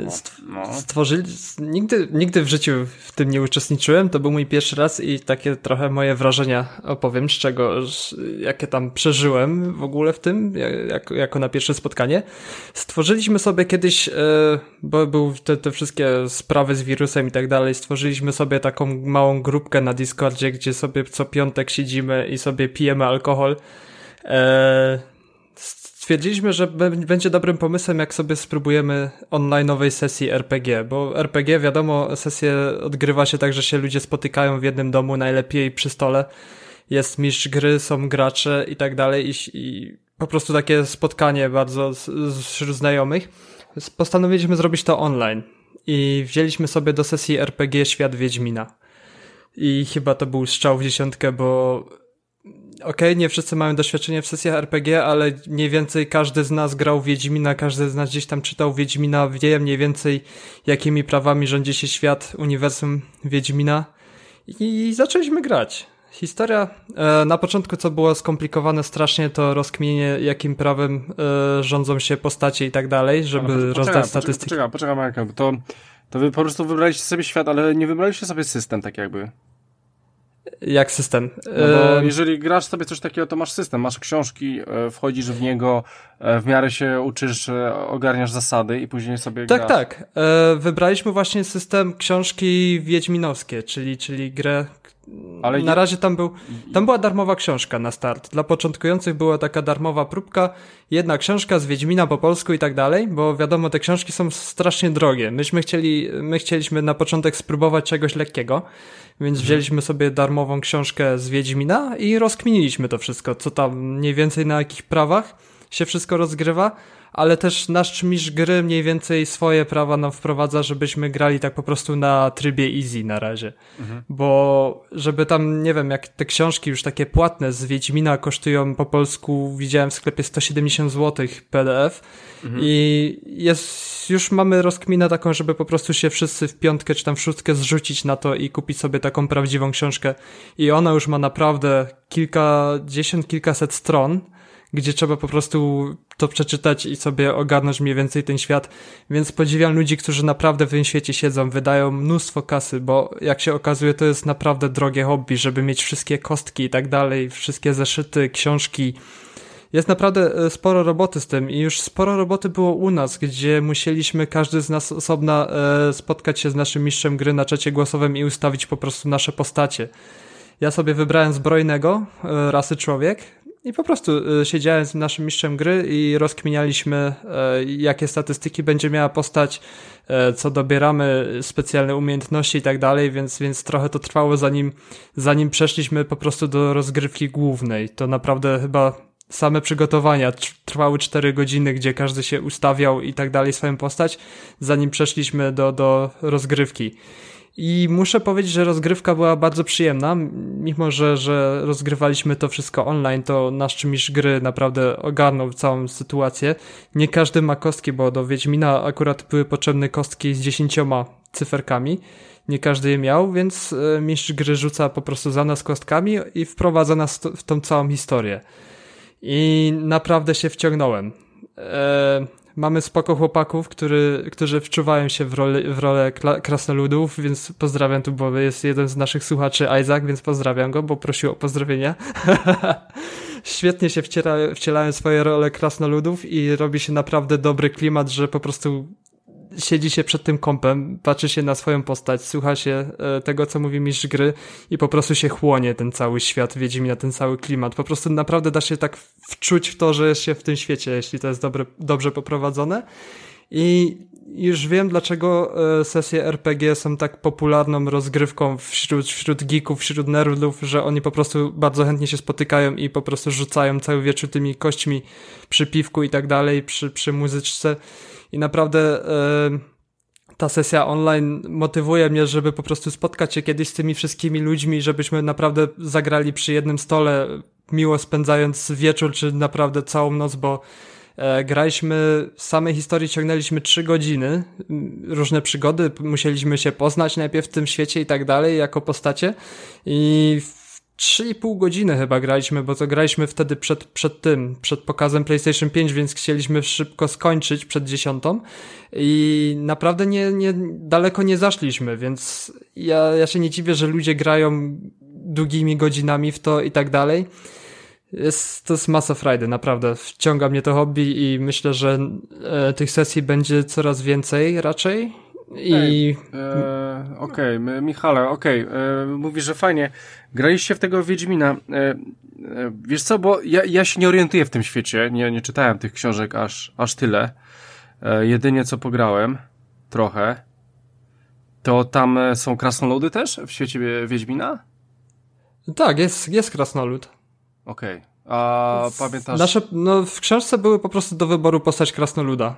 Aha, nie, bo wydaje mi się, że może zrobili to na E, bo nie wiem, czy na przykład w grze jest. Ja, ja nie grałem tak do końca w grę, więc nie wiem, czy są krasnoludy. By, były w grze krasnoludy, pamiętasz? E, Ciężko sobie przypomnieć bo, teraz. Bo, bo, bo mam wrażenie, że ten system specjalnie e, stworzył parę, że właśnie klasy, albo rasy, o może rasy bardziej, e, właśnie do, do, do, do tego systemu, a ja, ja nie przypominam sobie, żeby w świecie Wiedźmina były krasnoludy po prostu. W sumie coś w tym jest. ale, ale nie wiem, nie jestem jakimś tam fanem Sapkowskiego i Wiedźmina i tak dalej, e, ale, ale tak sobie pomyślałem właśnie, że troszeczkę jest to tak na wyrost, w sensie dołożone. Ale to tylko taka moja mała anegdotka. Ogólnie, jak, jak najbardziej, e, Michale, wiem o co chodzi, jak grałem kiedyś Warhammera, oczywiście klasycznego, starego Warhammera, Warhammera, Warhammera, to będzie z 15-20 lat temu. E, plus jeszcze oczywiście najbardziej, też bardzo znany D&D. E, E, czyli D&D właśnie. E, Dungeons and Dragons. Ja grałem w trzecią edycję, miałem trzy książki. Jedna książka to były same, książka, one po 70 zł kosztowały powiedzmy 15 lat temu. Jedna książka, e, to było, nie wiem, 400 stron e, powiedzmy, czy 500 stron, duża, piękne obrazki, samych stworów, druga samych czarów, a trzecia to zasady. To było przepiękne, mhm. to się grało przepiękne. E, przepięknie się w to grało, było, było po prostu zajebiste. Teraz oczywiście już są nowe edycje, czy D&D 4, czy D&D 5, już nawet e, nie wiem, nie siedzę w tym. Ale wiem o czym mówisz, e, przeżyłem coś takiego, jest zajebiście, ale no, może nawet jak tak online sobie grasz, to ma to też swój klimat, bo jednak się nie widzicie, tylko się słyszycie, więc możecie się poradzić w atmosferę. Sobie mamy odpalone kamerki na Discordzie, bo gramy na Discordzie i dodaliśmy... Aha, aha no to spoko, to no, też fajnie. Bo no. Discord ma teraz te właśnie konferencje z kamerkami, można wprowadzić. Yy, I mamy taki fajny smaczek, bo jest taki serwis jak SyncTube że wszyscy mogą słuchać z YouTube'a tej samej muzyki, że po prostu zakłada się pokój na SyncTubie. No to spoko I też, no, fajnie. No. W pewnym momencie y, przejąłem taką inicjatywę na tym SyncTubie, że dopasowywałem, y, szukałem po prostu po YouTubie, jak graliśmy dźwięków, które by pasowały do aktualnego otoczenia. Więc e, mistrz gry mówił, że jesteśmy teraz gdzieś tam na górze i tak dalej i tutaj planujemy nocleg, nie? I, i okazało się, że podczas noclegu e, rozpętała się naprawdę burza, wiatr i, i zrobiło się strasznie nieprzyjemnie, no to ja cyk do YouTube'a e, odgłosy burzy wiatrów w sesjach RPG i tego e, materiałów jest od zajebania na YouTubie. Wkleiłem od razu do SyncTube'a i wszyscy takie wow, ale klimat teraz się zrobił. Że, że wszyscy mieli ten deszcz po prostu w słuchawkach, tą burzę i po prostu lepiej było się wczuć to wszystko. No i na końcu naszej sesji dotarliśmy do jaskini i y, do, do kopalni i oczywiście kopalnia była opuszczona, no to wrzuciłem w YouTube'a frazę opuszczona kopalnia, sesja RPG i po prostu był taki głuchy dźwięk, gdzie gdzieś tam woda kapała w tle i tak dalej, głuchy dźwięk takiej opuszczonej kopalni.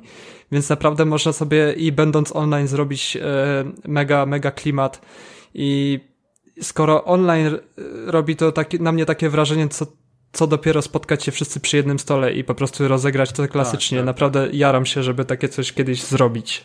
Mhm. E, dobra, e, to fajnie Michale. Rafał, coś jeszcze? Nie, mi już wystarczy, nic nie wrzucę więcej.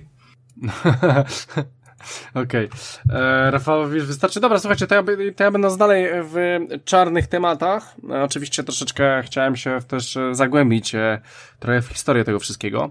Dlatego obejrzałem sobie film dokumentalny na Netflixie 13 poprawka. Słuchajcie, film jest dosyć ciekawy, dosyć mocny też.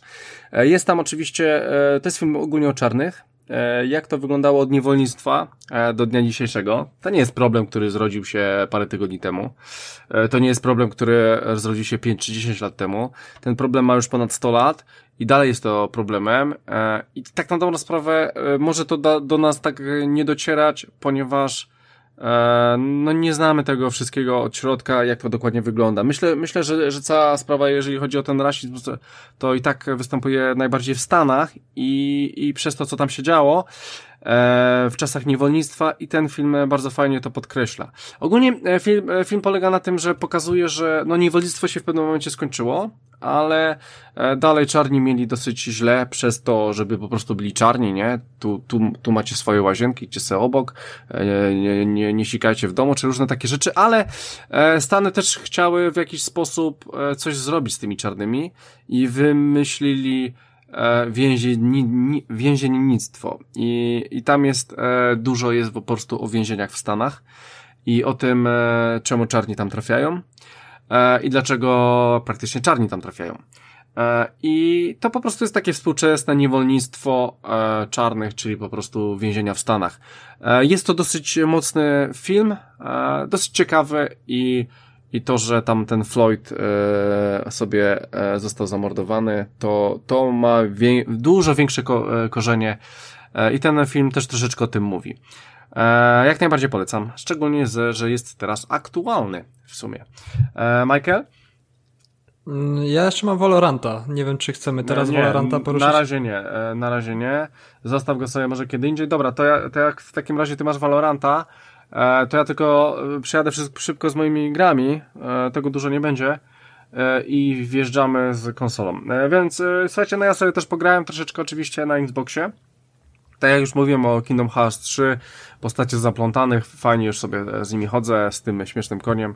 Eee, ogólnie sobie z nimi chodzę i jest fajnie. To poza tym oczywiście Minecraft Dungeons, o którym chciałem powiedzieć w tym odcinku, ale na pewno czasu zabraknie. E, przeszedłem go raz, przechodzę go drugi raz i ten drugi raz jest naprawdę fajny. E, i, I kiedyś wam powiem kiedy, e, czemu.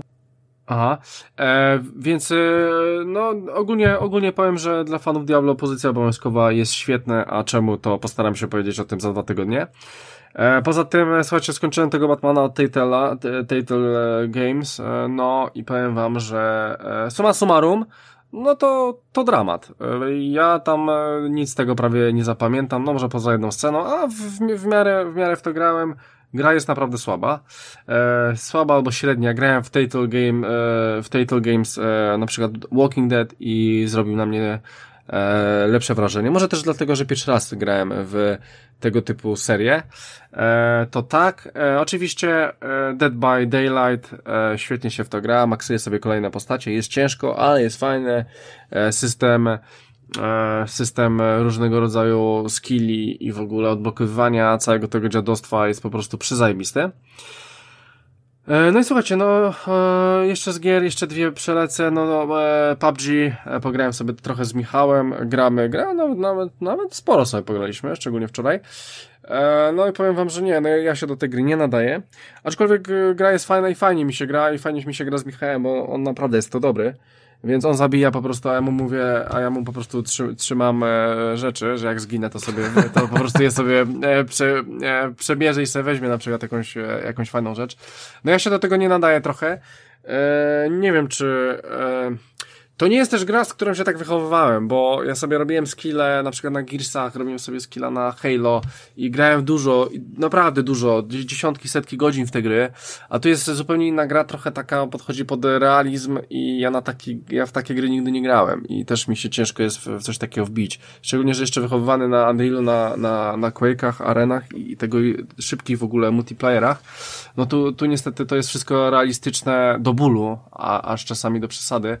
E, armię i te sprawy i no ciężko mi się w to gra, ciężko mi się w to gra. I szczególnie ciężko na padzie się w to gra, bo na myszce to jest bardziej do ogarnięcia, a na padzie to jest tak e, topornie strasznie.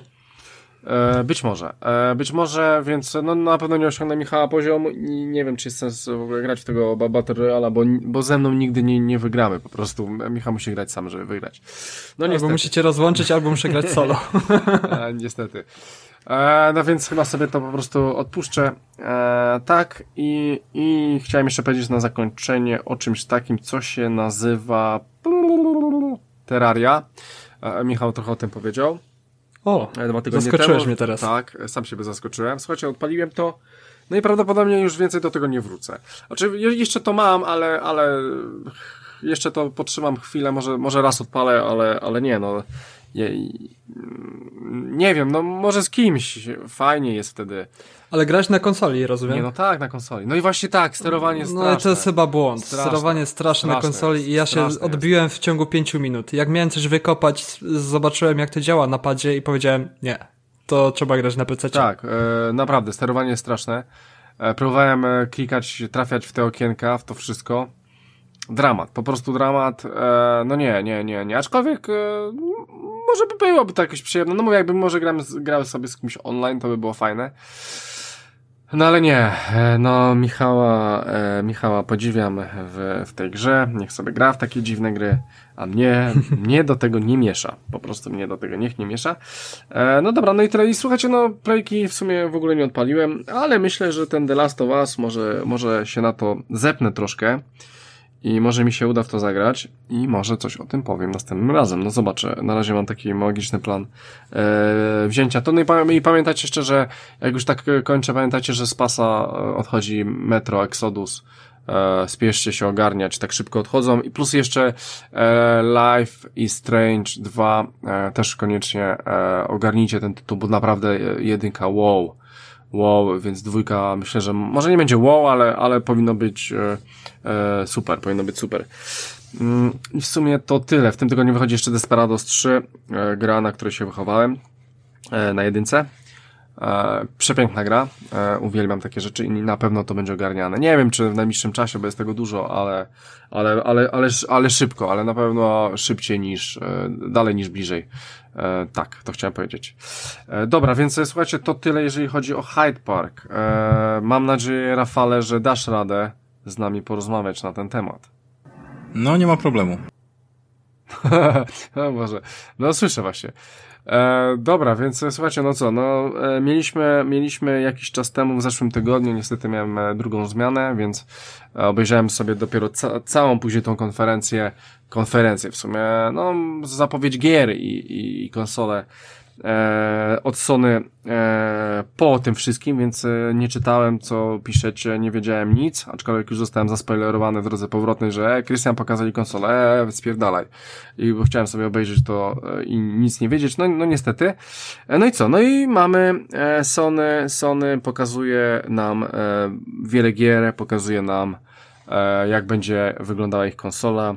Więc pytanie do Rafała. Rafale, czy jesteś zadowolony z tego, co pokazało nam Sony?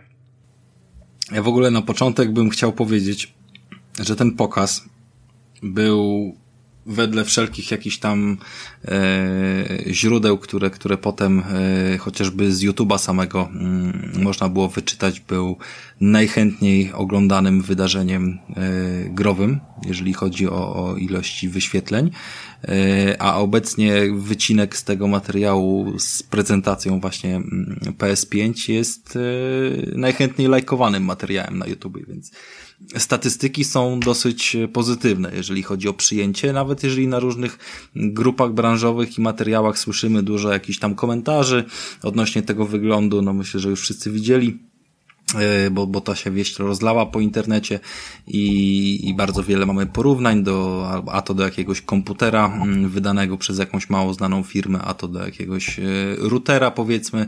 No ja myślę, że jak ona, ona jest wysoka, to jest bardzo duża konsola, więc mm, porównanie jakby wysokości po, po, po jakby w oparciu chociażby o szczelinę do mm, poboru płyt y, Blu-ray jest, jest bardzo, wskazuje, że będzie w najwyższą konsolą chyba, która do tej pory wyszła, bo tak gdzieś co najmniej ze 20-30% mm, wyższa wysokość od obecnie, obecnej generacji. E, ale jednak ja ten wygląd przyjmuję ciepło. E, jest on bardzo moim zdaniem przyjemny, jest on ja zdaję sobie sprawę z tego, że przede wszystkim taka biało-czarna z niebieskim podświetleniem to nie wszystkim mm, może odpowiadać, załóżmy, do umeblowania i tutaj Krystian głównie podnosił ten argument. E, znaczy, między nami jakby Krystian podnosił, mi kompletnie to nie przeszkadza, jakby ja obecną PS4 mam czerwoną i jakby to też nijak nie pasuje do, do wiesz, e, nie no, czarnej szafki. Czerwona bardziej pasuje do czarnej niż biała do czarnej, no Rafał. Ale jeżeli w tej samej kolorystyce mam wiara, który może stać obok, to już jednak wygląda, wiesz, trochę ciekawiej. Natomiast yy, ja pewnie sobie kupię tą wersję białą, jak już, bo mi się ona akurat podoba. Yy, zobaczymy, co tam będzie zaprezentowane, różnego rodzaju wizualizacje, tak jak w przypadku yy, tych, tych padów DualSense'a też zostały pokazane. Natomiast natknąłem się na wypowiedź, bo dużo bardzo było mm, różnych informacji z różnych stron w, przez te kilka dni od 11 czerwca y, do dzisiaj y, można było mm, sporo wywiadów przeczytać, y, albo tweetów, albo różnych innych takich ogłoszeń. Natknąłem się na informację, że konsola ma zawierać opcję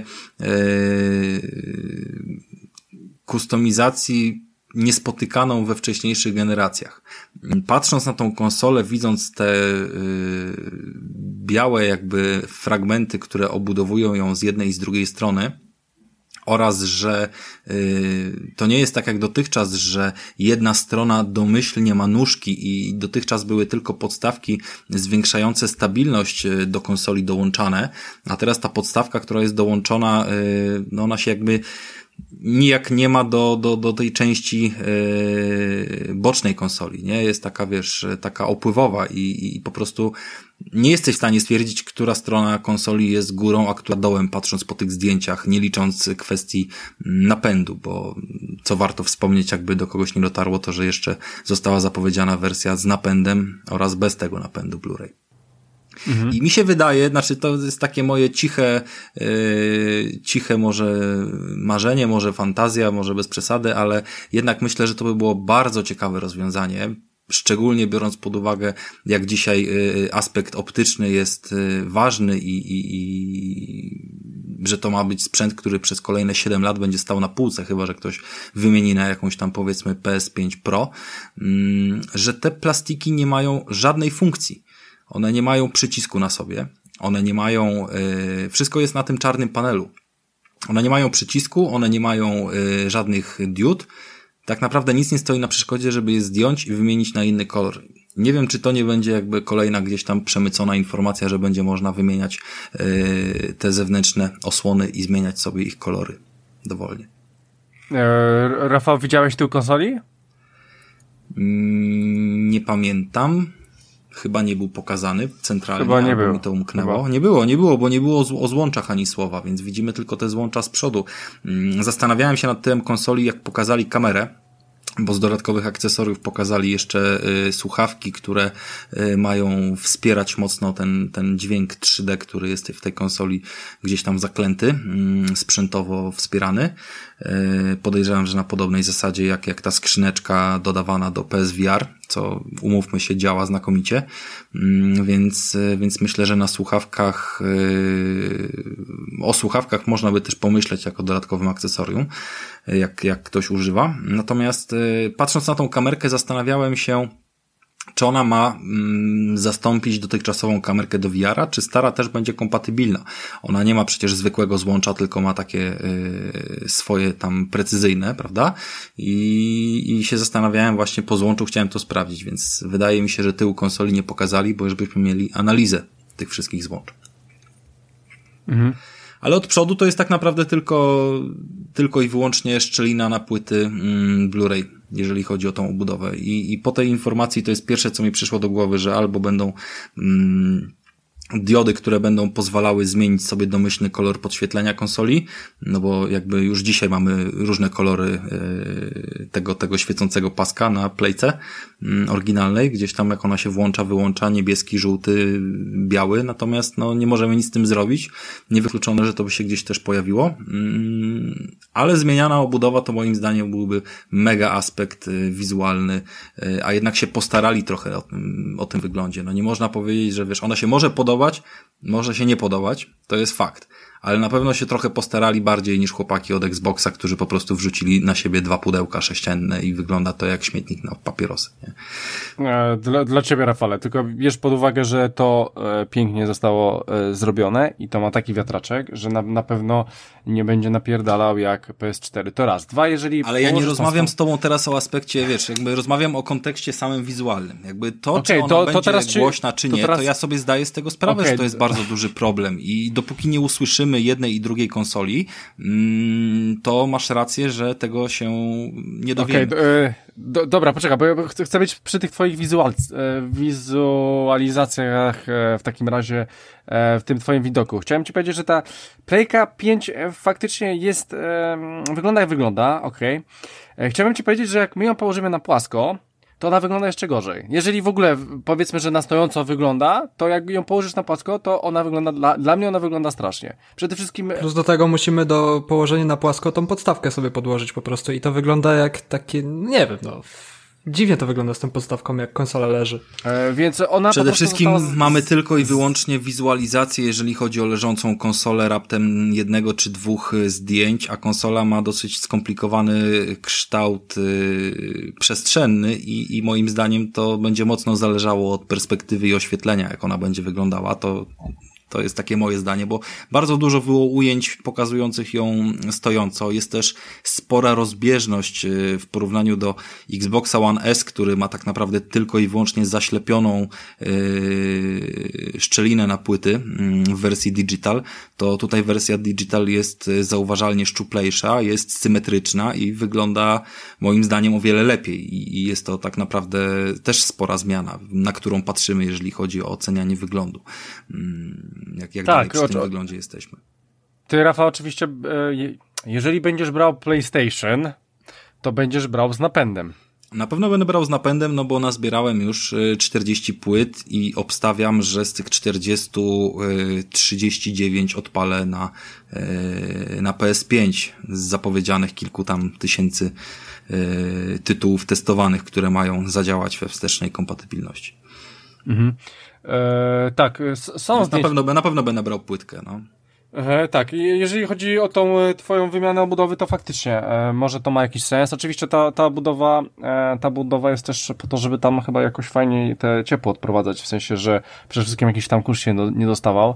Myślę, że to może mieć taką funkcję, plus jeszcze to na pewno ładnie się odbija. Wi wi wizualizacja, tak? Od, odbijanie się Wiesz tego co, no wizualizację przez ostatnie tego... pół roku, jak patrzyliśmy, mm, jak patrzyliśmy przez ostatnie pół roku na te wszystkie projekty, które się opierały na yy zestawie deweloperskim, na tej fałce wbudowanej e, w tą konsolę, e, no, no, przyszło naprawdę spore zaskoczenie. Żadnego takiego projektu nie było i uważam, że to jest spory sukces umówmy się, no jakby nie było takiego żadnego efektu, jeżeli chodzi o Xbox. Xbox to jest po prostu, wiesz, pudełko w tym momencie, jakby jak sama nazwa wskazuje.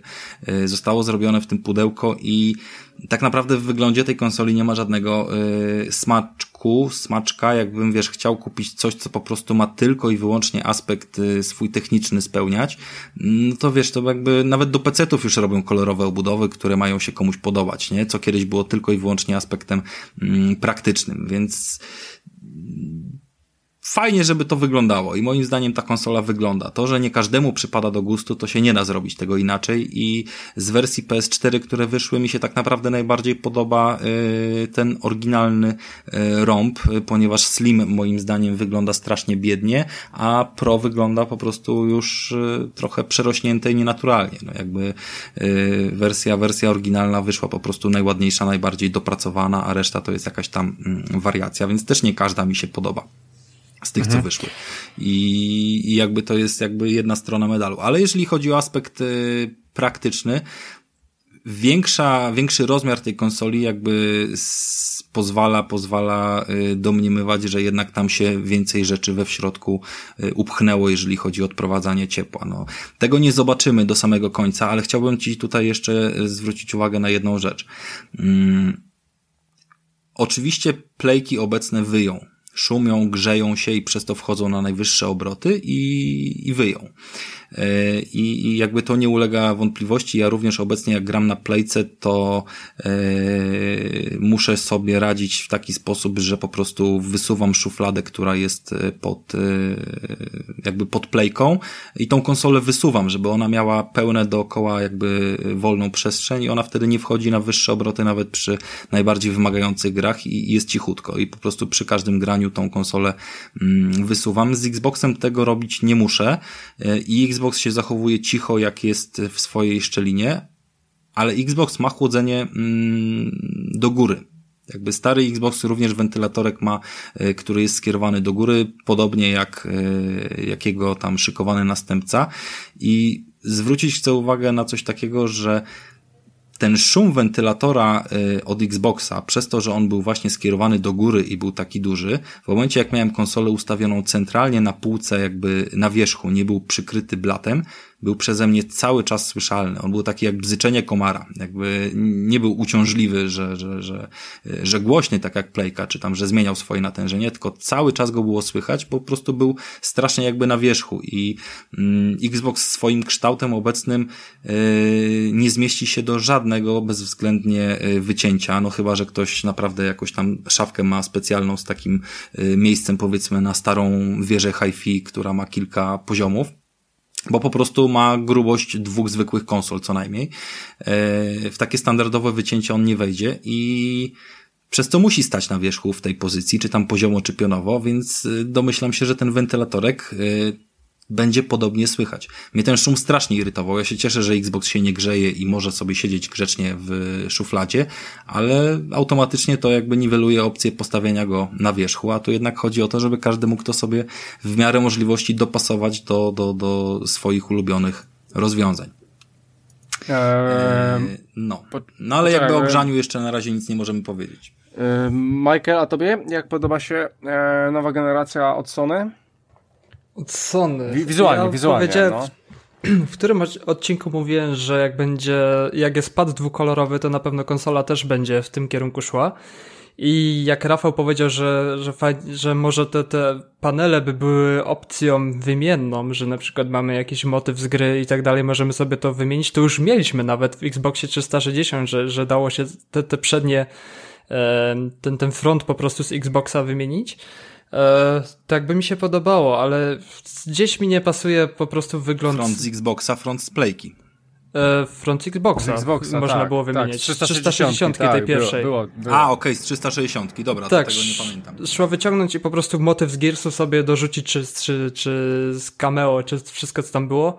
Um, dwa kolory mi nie pasują trochę. Jak czarna, okej, okay, ładna. E, ten kształt, wiadomo, kwestia gustu, bo Xbox One e, Series X stawia na no jest, jest kwadratem, klocem, jest po prostu minimalizm taki strasznie. E, A w jakich kolorach wy macie Xboxa? Które wersje? Ja wszystko mam czarne. Czarne, czarne wszystko, te, też mam wszystko czarne. A, Ty, poczekaj, poczekaj. też masz czarne? Czekaj, tak, mam wszystko czarne, czekaj, poza, poza VR-em mam wszystko czarne. Ja mam wszystko czarne, to ty kupiłeś, pod, to, to Krystian kupiłeś podstawowego Xboxa? Tak, starego, no. Tak, wymieniłem. No bo ja mam eskę, ja mam eskę białą. Jakby dla mnie biała konsola już, już, już wtedy nie robiła żadnego Aha. szału i wygląda bardzo ładnie na półce i w ogóle w niczym mi nie przeszkadza ten kolor biały, że, że obecnie jest po prostu, no daje sobie tam jakiś kontrast, więc nie rozumiem tego, tego postrzegania, tym bardziej, że też mam czarną szafkę, no ale okej. Okay. Ale jak jest Każdym... cała biała konsola, to jest okej. Okay. Ale ona też... nie jest cała biała, ona ma czarną podstawkę i białą górę. No, no i to mi przeszkadza że jest dwukolorowa. Po prostu mi już to zaburza ja mój Xboxie, cały że Xbox jest yy, dwukolorowy. Ja mówię o PlayStation 5, że jest dwukolorowy. A ja się cofam, że to jakby nie jest pierwszyzna, że już taka konsola była na rynku i jakoś tam strasznie. No ale... Co prawda tam jest podstawka czarna i biała góra, więc trochę to inaczej wygląda niż y, białe, czarne, białe, taka kanapka, jak to się mm, też spotkałem z taką opinią w internecie. Okej, okay, ale jestem przekonany, że będą wersje różne kolorystyczne i to dosyć y, szybko wychodziły. Ja mam nadzieję, bo jakbym miał wybierać między czarną albo całą białą, to bym na... chętniej bym naprawdę wybrał całą białą niż dwukolorową, a najchętniej to bym wybrał wersję czarną, żeby po prostu odpowiadało mi. Okej, okay, Sony Ale wy teraz... jesteście strasznie smutni i po prostu szarzy. Ja słuchajcie, ostatnio mało brakowało, ale naprawdę yy, jakby zastanawiałem się nad tym przez chwilę całkiem yy, realnie, yy, czy z uwagi, że już jakby zakończył się dla mnie niejako mm, wyścig decyzyjny w kontekście, czy jednak rozważać Xboxa y, kolejnej generacji, czy, czy, czy PS5 na początek. E, oczywiście kierując się ku PS5, e, to zastanowiłem się, czy w takim razie tego Xboxa, mm, którego mam tak naprawdę tylko do Game Passa, e, nie wymienić ponieważ ta wersja, która się pojawiła, totalnie kolorowa, totalnie z dupy, jeżeli chodzi o design, ale jednocześnie przepiękna z Cyberpunka i w bardzo dobrej cenie, od razu z grą e, w preorderze. No po prostu tak mi się podobała, że też niewiele brakowało, żeby gdzieś tam ją sobie, wiesz, wrzucić na listę zakupów. I to jest konsola, która ma trzy kolory i kompletnie nie pasuje do żadnego mebla, a mimo to jakby, wiesz, ja rozważam takie rzeczy, a wy po prostu tylko lecicie czarne, czarne, czarne. Tego, tylko tego ta konsola po prostu stanie. idzie w tym stylu cyberpunkowym, że to jest wersja kolekcjonerska, więc, więc to jest kolej rzeczy, że ona no, Ale jest być, żółta, nie przeszkadzałaby ci żółta konsola na, na ona tym? Jest, Czarna, ona tak... biała ci przeszkadza? Ona żółta, jest napompowana nie? przez grę. Nie jest sprzętem standard, w standardzie w takim kolorze. Mam wersję czarną, mam wersję białą, wybieram czarną, ale jak jest jakieś coś ekskluzywnego, ograniczonego, to wiadomo, że, że można sobie wziąć i mieć coś ekskluzywnego. No nie ale... wiem, no, ale wszystkie powiedziałeś, że masz czarne przed chwilą, więc, więc pytam. Tak ja bym chętnie sobie, gdyby, gdyby na premierę było od razu puszczona na przykład jeszcze dwie wersje kolorystyczne, dajmy na to jedną pod y, Gran Turismo 7, a drugą pod y, Ratcheta, to niewykluczone, że wezmę sobie w innym kolorze niż w białym. Jeżeli się okaże, że obudowy są wymienne, to w ogóle już będzie Dobra. super, bo będzie to e... można sobie zmieniać. Natomiast no... Cóż. Rafał, dobrze. Masz do wyboru Sonkę piątkę czarną, białą. Którą bierzesz? Czarną. I każdy weźmie czarną. Nie wiem, kto by miał do wyboru czarną i białą, wziąłby tą białą, która jest. Nikt. Ja bym wziął tą białą. Nie, no ja a ja myślę, że wziąłbyś tą podoba. czarną. Je, jeżeli te, te, te gdzieś tam e, screeny latają w necie, jak ta czarna mogłaby wyglądać, jeżeli ona by tak wyglądała, no chyba, że ten pasek... Znaczy, no to jest zmieniony kolor, chyba, wygląda chyba, bardzo ładnie. Chyba, tak? chyba, że ten pasek zrobiliby na biało, to w ogóle by był mindfuck kompletny, ale, ale jeżeli by była faktycznie ta czarna, czarna, to każdy by ci wziął taką konsolę, Rafale, no bo ta czarna w ogóle jest, jest, jest ładnie, byłaby ładniejsza, no. Czarna wygląda zadziornie, a czarno-biała wygląda jak router głupia dyskusja, bo, bo, no dobra, to jest kwestia okay, gustu tak, i tak. jakby e- nie zrobisz ankiety. Natomiast ja bym wziął białą, bo ta biała, jakby wiesz, mamy 2020 rok. Ja nie chcę, ja już kurwa od 2000 roku, wtedy widziałem pierwszą czarną konsolę. To była czarnula i jakby to, był, to robiło wrażenie wtedy, że ona jest taka piękna, elegancka, cała czarna, PS2. Yy, trójka pociągnęła tą stylistykę. Yy, czwórka też, ale już, już jakby dopiero się zakochałem tak naprawdę w czerwonej wersji, która wyszła mm, i, i, którą mi się udało gdzieś tam dorwać, bo, bo wcale nie robiła na mnie wrażenia ta podstawowa, szczególnie z uwagi na e, całkowicie ten, wiesz, matowy materiał, bo, bo, bo mm, ta moja edycja ma pół mat, pół połysk, jeżeli chodzi o te swoje panele na zewnątrz. Tam pokrywa dysku jest taka błyszcząca. I, i mi się podoba ta nowa, po prostu widzę, okay. że gdzieś tam coś się e... zmienia w tej branży i idę do przodu, ale Zostawmy to jest kwestia to, gustu, więc nie, zostawmy tą kwestię. To, że ona przypomina jakiś router, ok, ale ona jest pięć razy wyższa od tego routera i większa, więc myślę, że yy, tak naprawdę jeden tylko router znalazłem, który jest podobny do tej konsoli. No i nie wiem, czy yy, ona w pozycji leżącej faktycznie ten router tak strasznie też przypomina, po prostu tak ją trochę zaprezentowali. Ale pogadajmy o tym, co jeszcze było na tej Dobra. prezentacji, bo, bo było dużo poczekaj, fajnych poczekaj, rzeczy. Poczekaj, bo jeszcze, jeszcze, jeszcze mamy jedno pytanie. Czy, czy widzieliście tą konsolę nie, czy jest, czy, czy jest jakaś informacja, że ona może sobie stać normalnie tak jak normalna konsola, czy e, poziomo?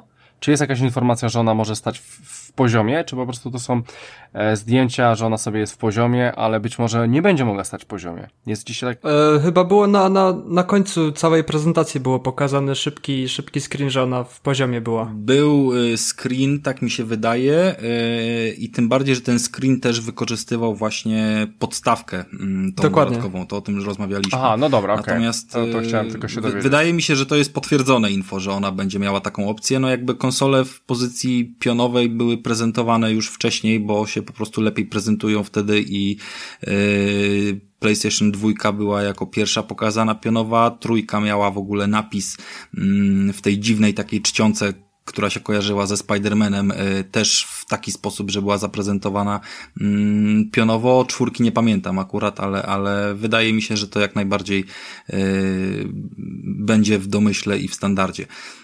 No dobra. Podoba mi się e, w ogóle opcja odnośnie padów, że, że wrzucili od razu, pokazali złącza w padach, które będą jakby z, pada z każdej strony, bo wcześniej była tylko, mm, tylko te zdjęcia na jego, na jego front tak naprawdę i, i triggery i podoba mi się, że będzie od razu oryginalna ładowarka mm, do tych padów, bo, bo, bo to jest dobre uzupełnienie tego y, zestawu.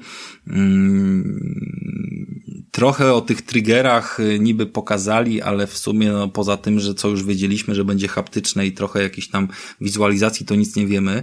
Mm, pokazali Astrobota, który się okazał po premierze y, i po, po kolejnych jakichś tam informacjach, że Astrobot to będzie taki playroom, który będzie po prostu pokazy, pokazem technologicznym z kilkoma mm, prostymi światami w formie załóżmy platformówki, które ma y, pokazać od razu na dzień dobry, jakie ta konsola daje możliwości, i czego powinniśmy oczekiwać, powiedzmy, od y, twórców, którzy będą kolejne gry na nie wypuszczali. Myślę, że to jest bardzo fajne rozwiązanie, że coś takiego od razu wchodzi, co, co prezentuje te technologie. Yy, podobnie zresztą jak na przykładzie, no wiemy, że te technologie są najczęściej wykorzystane w grach y, ekskluzywnych i, i praktycznie wszystkie mm, eksy na playkę wykorzystują na przykład y, głośniczek, który jest w padach y, w czwórce na jakieś tam przeładowywanie broni czy inne komunikaty. Jest to całkiem w sumie spoko rozwiązanie. Mm, Wiemy, że, że powiedzmy wibracje centralnie tam sprzężone z triggerami, które wyszły na y, Xboxie y, bieżącej generacji też tak naprawdę poza standardowymi wibracjami to są chyba najbardziej najlepszym przykładem wykorzystania to jest Forza yy, czy Horizon 4, czy, czy jakaś inna, która po prostu faktycznie te wibracje przenosi przy przyspieszaniu, przy hamowaniu, przy wjechaniu na pobocze bezpośrednio na, na triggery i czujemy, kiedy naciskamy hamulec, kiedy naciskamy gaz, że ten trigger nam tam odpowiednio pracuje, przenosi, mm, załóżmy jakieś obroty silnika, więc fajnie, że coś takiego pokażą. Yy, trochę szkoda, że to nie będzie pełna gra, ale to przynajmniej mm, pokazuje, że jest jeszcze jeszcze cały temat wiara, bo ty powiedziałeś, że o wiarze nic nie powiedzieli. Natomiast jeżeli pokazali Astrobota i on nie jest również grą wiarową, bo ja się tak przez chwilę zastanawiałem, co tam autor miał na myśli, czy, czy to jest po prostu y, ładny trailer z kontynuacji Astrobota, czy po prostu wykorzystana maskotka do, do jakiegoś innego celu, y, co zostało potwierdzone. Y, to myślę, że cała jakby kwestia wiara, jego wsparcia, które było już wcześniej potwierdzone i tego, że jakieś tam będzie, y, będą dodatkowe tytuły, być może odświeżone mowy, być może jakieś inne sterowniki, które zapewnią mm, dodatkowy poziom y, wygody w grach, y, jest jeszcze tematem do, do eksploracji dla nich przez najbliższe e, te, dobra, dajmy e, na to pół roku do premiery. E, Rafale, bo w ogóle e, robisz rozpierdol tego, co widzieliśmy i skaczesz z jednego miejsca na, na drugie. E, zatrzymajmy się na tym, co było. Nie co mogłoby być, o tym też sobie powiemy, ale o tym, co było. Więc może zaczniemy od Michała, bo Michał mówi e, jak najmniej Mi Michale.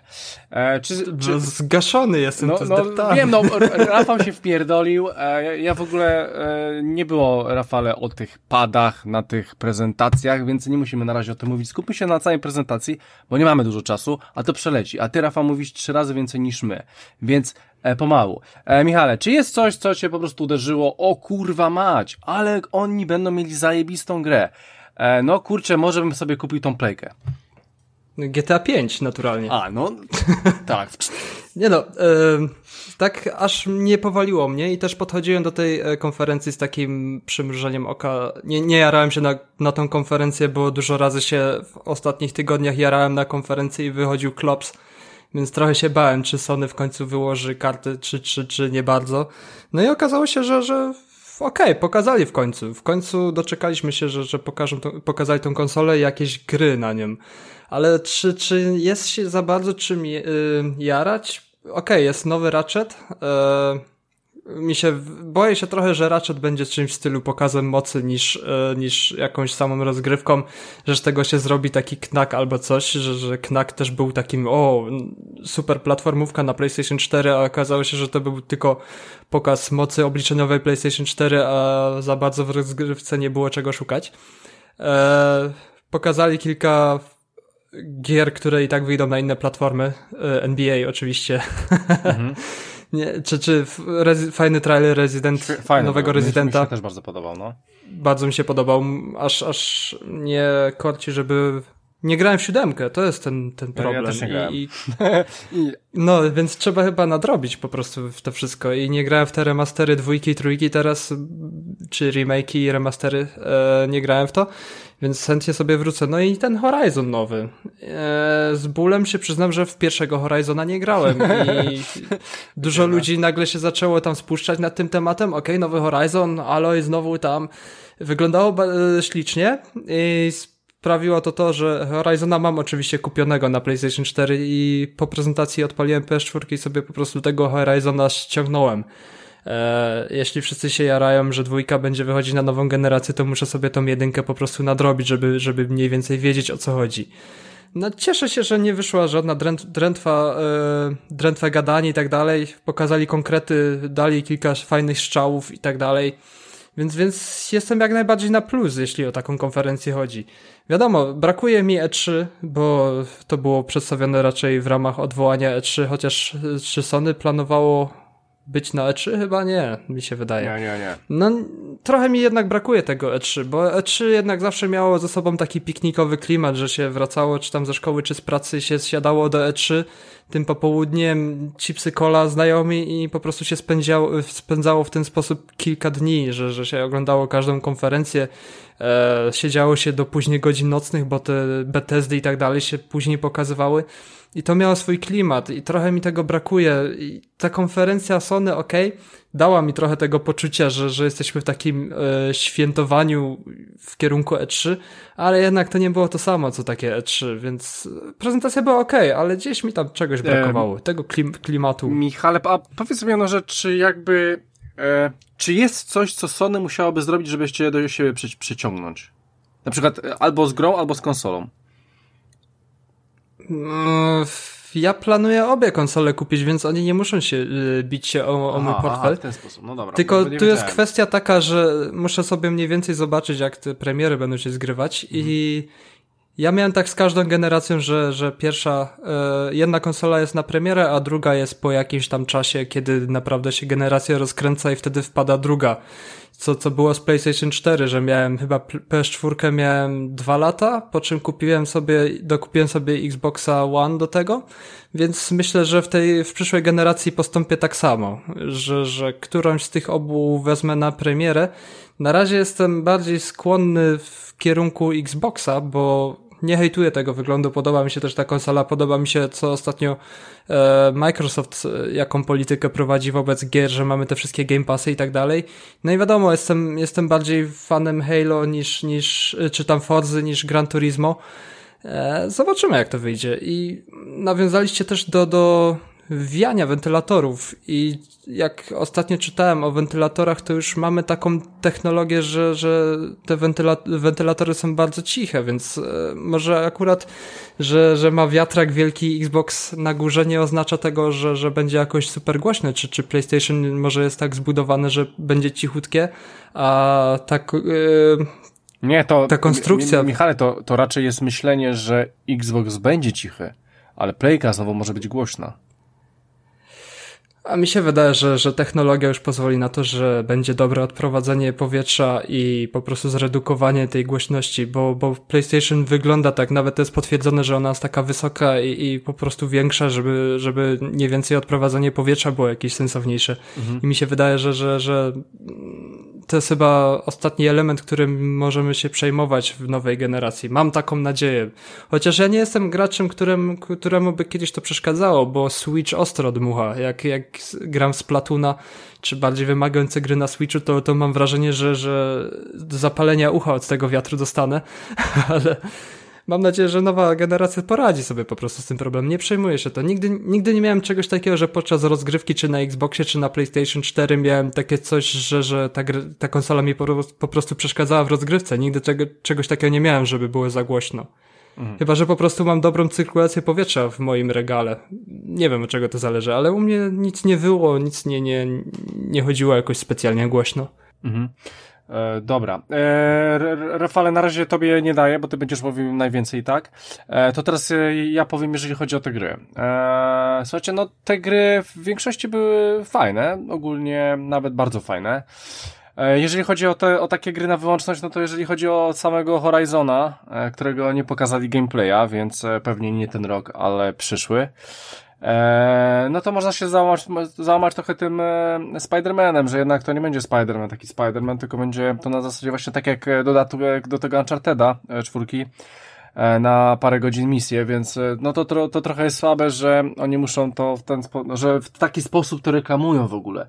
E, I troszeczkę, troszeczkę jestem zawiedziony w tym, że wsteczna kompatybilność u Sony wygląda w ten sposób, że w Xboxie po prostu macie i grajcie se i w standardzie 4K, a tutaj A tutaj, e, no niestety takie DLC i w ogóle jarają się, że będą, będą, będzie trzy godziny więcej misji. E, trochę to było słabe, szczególnie, Ale nie wiesz ile godzin będzie No nie misji, wiem, no, też... Rafale, no oczywiście, że nie wiem. E, może będzie 7 godzin, tak? Ale wiemy, że to znaczy, jest doda py pytanie, do, dodatek. Pytanie no. kluczowe. Na ile, yy, na ile godzin jest yy, Uncharted zaginione dziedzictwo? No ona Czy... chyba jest dwa razy krótsze chyba, prawda? Wydaje mi się. No bo Uncharted samo w sobie jest yy, na 14 powiedzmy godzin, no. z czego trofeum na speedruna, które można wbić i które wbijaliśmy, próbowaliśmy przynajmniej ja, mm, jest na 6 godzin. Mhm, no okej. Okay troszeczkę mi nie pasuje, wiesz, pomysł, że mm, na tą samą y, mapę, no, bardzo przyjemnie tam się bujało na pajęczynach i tak dalej, więc, więc super świetnie będzie wrócić sobie z powrotem do tego i dostać nowe jakieś aktywności i, i, i zadania, żeby powykonywać pewnie jakieś nowe umiejętności, bo mamy inną postać, więc łatwiej to będzie mm, wytłumaczyć, że tam się coś, coś pojawi świeżego. Natomiast e, wykorzystanie ponowne e, tej samej mapy, która będzie zremasterowana na Nowy Jork, e, jest uzasadnione, powiedz, fabularnie. I moim zdaniem spokojnie, jak nam wrzucą mm, czy 10, czy 15 godzin rozgrywki, bo, bo, bo ja bym celował właśnie w coś takiego bardziej niż w 3. To jest jednak dosyć poważna produkcja i, i wizerunkowo ważna to tak naprawdę więcej niż kampania w wielu grach, które wiesz, wychodzą, nie? To jakby 10 godzin to jest taki standard, nie? Jeżeli chodzi o, mm, o nowe tytuły. Mhm. E, więc chciałem powiedzieć właśnie o tym Horizonie i, i Marvelu. E, w Horizona pograłem, w, Spidermana troszeczkę też pograłem. Tak. Ściemniaj e, dalej. No ale, ale Eee, znaczy nie, no w, Horizona ja powiem Ci, że to jest pierwsza gra, który, w którym zobaczyłem Hadera u siebie na telewizorze. No i zobaczyłem sobie tego Hadera, no i po dwóch godzinach, no już nie odpaliłem tej gry, już pewnie nie odpalę. Eee, ogólnie nie, nie, jestem jakimś wielkim fanem tych e, tytułów, że o Boże, wychodzą kontynuacje, bo mówię. Eee, eee, Dobra, e, to co mam powiedzieć, e, to, to, to o tym powiem zaraz. Ratchet Clank wyglądał zajebiście. Zajebiście wyglądał. E, fajnie się w to grało. E, być może to był po prostu specjalny jakiś trailer gameplayowy, że on tak skakał po tych e, mapach, chyba raczej o, o, o coś takiego w tym bardziej chodzi, bo nie wydaje mi się, żeby było to ta, taki rozpierdol, bardziej chyba, żeby pokazać właśnie możliwości konsoli i tego dysku też, że on się fajnie, że, te, że on się bez problemu przemieszcza w takich, w tak szczegółowych światach. E, więc e, nawet jak ten gameplay będzie chujowy, to i tak będzie fajnie w to zagrać. E, jeżeli chodzi e, o Gran Turismo 7 to e, dla mnie w ogóle, no ja, ja, tam te samochody, no to nie gram za bardzo, ale, ale ja tam nie widziałem w ogóle generacji żadnej nowej. E, no i powiem wam, że jeżeli chodzi o takie kompletne eksklu ekskluzywy, no to chyba tyle, no bo więcej tego nie ma. Aczkolwiek, jeżeli, jeżeli chodzi o, o, o, o to, co, co jest nawet, to i tak wydaje mi się, że jest całkiem nieźle, jeżeli chodzi o eks ekskluzywy. Mamy jeszcze tego Sackboya, no ale to po prostu e, Little Big Planet po prostu z misjami. Eee, I jeszcze jest ten Destruction All Stars e, samochodziki, bo Demon Souls się nie chce mówić, bo to jest kolejny remaster, remaster remasterów, e, w ogóle jest, jest tego dużo.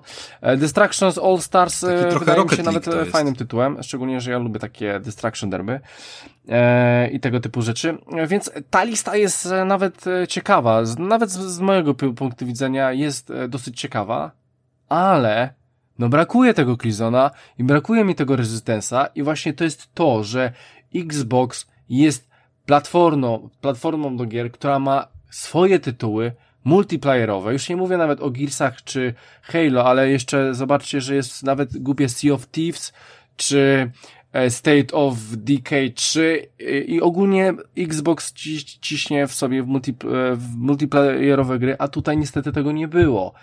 E, I to tu jestem strasznie zawiedziony na Sony, że, że sobie nie pogram w tego Killzona. Ja pamiętam przecież, słuchajcie, w, na E3 e, przed, e, jak, jak właśnie było coś takiego, co, co miało miejsce teraz, pokazywali Killzona, pokazywali gameplay z tego Killzona i, i naprawdę zrobiło to zajebiste wrażenie. A tutaj, no, największe wrażenie zrobił na mnie jednak ten Ratchet Clank, ale w grze, w którą po prostu, no, mogę zagrać, a nie muszę. I to, i to mnie troszeczkę boli. w tym wszystkim. Słuchajcie, jeżeli chodzi, ja Rafale zaraz Ci oddam kompletnie głos, tylko powiem to, co chcę powiedzieć, że fajne wrażenie naprawdę zrobiła na mnie ta Kena. Świetnie to wygląda. O Boże, jak to zajebiście wygląda. Będzie fajnie sobie pograć z tymi stworkami, sobie pochodzić. Czy nie wiem, czy je się zbiera, czy, czy one sobie z tą chodzą. No ale to wychodzi też na Xboxa, więc e, ogólnie spoko. E, I jeszcze, jeszcze jedna gra zrobiła na mnie dosyć e, fajne wrażenie. Zrobiło na mnie, e, prawdopodobnie jest to God, Fall. E, bardzo lubię tego typu slashery i to mi się, e, to mi się bardziej, bardzo podoba. Aha, i oczywiście Deathloop od Bethesdy. Lubię te klimaty. Jak, jak zobaczyłem to na początku, to przypomniał mi się od razu Bioshock i ogólnie te, tego, te lata, nie wiem, tam powiedzmy te 20, 30, takie, E, fajne, takie charakterystyczne e, kolory, tak jak właśnie w Bioshocku są.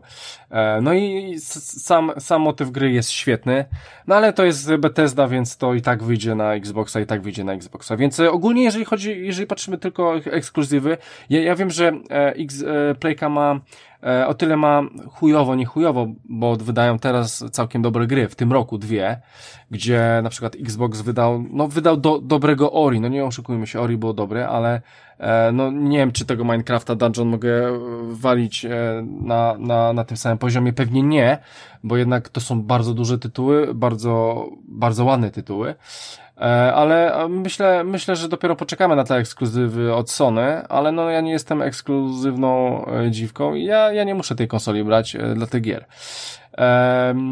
I jeszcze na końcu dodam, że oczywiście ten VR, ja, ja w ogóle się najbardziej martwiłem o VR-a, że kurczę, no na tej piątce na pewno gry na VR-ze będą wyglądać zajebiście, lepiej, Mia, miałem wrażenie, że lepiej, no i, no i może Sony już tam dłubie przy jakichś fajnych tytułach, no a tu, a tu nic, a tu po prostu nic. Pokazują mi faka, e, no kupiłeś wiara, no to, to nie dalej się kurzy. E, dzięki i, i kompletnie nic. I ja nie wiem, czy oni nad czymś pracują, czy nie pracują, no, no kompletnie się załamałem tym tytułem, e, tym faktem i troszeczkę nawet już tak za bardzo nie będę żałował tej playki, bo, bo najbardziej by mi było tego, szkoda tego wiara, no ale widać, że niepotrzebnie. Rafale, jak to by się podobało? Jeżeli pytasz o gry, no tak naprawdę ja jestem kupiony kilkoma tytułami, no bo ja z kolei strasznie się jaram tym, że wyjdzie Gran Turismo 7 i jest troszeczkę ruchu, jeżeli chodzi o grafikę. Przede wszystkim fakt, że to będzie wyświetlane. No, no jest, troszeczkę jest. Znaczy, no, no były już porównania pewne tam, wiesz, w internecie dosyć precyzyjne, pokazujące jakieś tam model pojazdu i, i co się pozmieniało. Mm, bardzo duże różnice były przede wszystkim na widoku z kokpitu i ruchu świateł e, po tym kokpicie, że ten jakby wnętrze auta wygląda o wiele, wiele lepiej, biorąc pod uwagę grę świateł, a już wcześniej było całkiem nieźle. E, natomiast no, pokazali to, co było jakby największą wadą Gran Turismo Sport, czyli brak e, trybu kampanii, bo jakby online potrafi odrzucić, biorąc pod uwagę, że, że powiedzmy nie jesteś specjalistą w tych wyścigach e, w kontekście jeżdżenia tam na kierownicy i wyłapywania jakichś super, super czasów, tylko po prostu chcesz się pobawić i spędzić przy tym kilkadziesiąt godzin. I każde poprzednie Gran Turismo zapewniało tyle kontentu, jeżeli chodzi o, o opcje dla jednego gracza, że można było do ustranej śmierci zbierać te kilkaset samochodów do swojej stajni. A w Gord tak te samochody się wygrywało obie co jakby za, za, za darmo i było ich mało i tak naprawdę bardzo łatwo było mm, gdzieś tam to zrobić i taką schedę trochę o yy, rozgrywkę nawet singleplayerową i, i tworzenie sobie swojego garażu marzeń trochę przejęła Forza, nawet Horizon Chociaż w motorsporcie też tego jest dużo. Więc bardzo się cieszę z takiego rozwiązania. Yy, przypomnę, że przy GTS-ie oni też yy, mówili, że już wtedy modele aut robią yy, jakby na swoje potrzeby. Nie mówię, że takie dokładnie zostały użyte w grze ale wszystkie modele aut zostały przygotowane yy, w tak wysokich jakościach i rozdzielczościach, które zresztą tam mm, widać po rozmiarze gier, bo to z aktualizacjami wszystkimi Gran Turismo ponad 100 giga ważyło na dysku, jak już te się wszystkie aktualizacje z dodatkowymi autami pościągały. E, więc to jest jednak sporo materiału, sporo, sporo różnych tam tekstur i modelów i mocno też to pewnie było podkręcane pod jakiś tam tryb fotograficzny, gdzie się to ładowało po prostu z maksymalną mm, mocą konsoli, ale w każdym razie oni już wtedy mówili, że modele wszystkie przygotowują już przez pryzmat e, kolejnej generacji, e, nawet 8K i tak dalej, i tak dalej choćby z uwagi właśnie na fakt y, tych trybów fotograficznych, y, tego, że, że, że jakiś tam mm, pokaz na telewizorach y, Sony nie bez powodu, kiedy zaprezentowali jakiś tam pierwszy telewizor 8K, to właśnie zostało opuszczone Gran Turismo. Nie wiemy co prawda na czym odtworzone, ale jakby materiał właśnie z tej gry został został użyty, więc nie ma w tym nic dziwnego, że te modele wyglądają y, podobnie i widać, że one są po prostu wczytane tak jakby w wyższej jakości, ale myślę, że na, mm, na tej właśnie, na tym trybie fabularnym i po prostu podkręceniu wszystkiego do, do granic y, się to odbije. Jestem bardzo ciekawy, czy tryb y, rozgrywki wiarowej zostanie po prostu rozszerzony od jakiegoś dowolnego przelotu, gdzie można było tylko dwa auta wziąć z uwagi na ograniczenia mm, sprzętowe, będzie możliwe na przykład granie w kampanię na VR-ku w tym e, Gran Turismo. No ale tak jak powiedziałem, ja uważam, że cały cała jakby zakładka VR została przyszykowana mm, razem z innymi e, aspektami, których jeszcze nie znamy, czyli e, rozwinięcie jakichś tam szczegółów technologicznych, rozwinięcie mm, kwestii może wstecznej kompatybilności, cała zakładka VR i chociażby cena konsoli, no po prostu to jest temat na kolejne konferencje, ponieważ nie można się wystrzelać e, ze wszystkiego, no jakby Zobaczcie jakby, jak, jak bardzo się już opatrzył y, wygląd Xboxa i ile się y, osób zdążyło do niego przyzwyczaić. Jak naprawdę już nie robi żadnego wrażenia, żadnych emocji nie wzbudza jakby rozmowa o tym Xboxie, bo jedyne co ja jakby kojarzę w tej kwestii to jest tylko w kółko jakby czeprze chwałki w takim, wiesz, marketingowym stylu, że to będzie najmocniejsza konsola, mm, wiesz, na, na rynku. No i jakby okej, okay, ona ma prawo być najmocniejsza. To, to moim zdaniem wiele nie zmienia, że ona będzie w jakimś tam stopniu o 10 czy o 20% mocniejsza, jeżeli yy, wiele innych rzeczy będzie poprawionych, tak jak chociażby kwestia wygody rozgrywki, no jakby menu w Xboxie po całej generacji poprawek wciąż nie jestem w stanie zdzierżyć tego menu i wciąż mnie ono wkurwia, no jakby nie ukrywajmy tego. No ale teraz jest lepiej, Rafale, teraz jest zdecydowanie lepiej. Mnie też wkurwiało. Dalej, dalej jest... mnie denerwuje, wiesz, najbardziej mnie denerwuje to, mam nadzieję, że to się też nie zmieni na kolejne generacje, ale to, co mnie najbardziej denerwuje, to, że włączanie konsoli oznacza wejście do menu, a nie powrót do gry, na której wyłączyłem tą konsolę. To jest e, kluczowa różnica, bo włączenie konsoli i zobaczenie od razu miejsca, w którym grałeś i, i zrobienia, wiesz, e, unpauzy i rozpoczęcia gry, to jest rzecz wspaniała i bardzo mi tego brakuje na Xboxie, że po prostu za każdym razem wchodzę do menu, patrzę jaką grę miałem ostatnio odpaloną, widzę jakieś inne, a może bym odpalił coś innego, zaczynam się zastanawiać, to jakby mi to nie pasuje to rozwiązanie. Oczywiście może to być, wiesz, to jest, to jest moja ocena, ale E, mi to menu nie pasuje, wielokrotnie szukałem wielu rzeczy.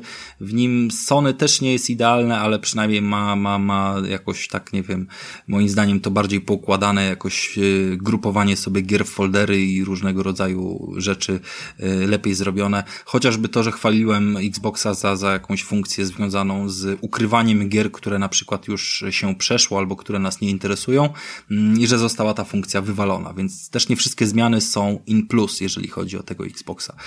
Yy, I dużo więcej jakby tej przebudowy było, więc widać, że dużo więcej mieli do zrobienia. Zobaczymy oczywiście, jak to będzie wyglądało na kolejnej generacji, ale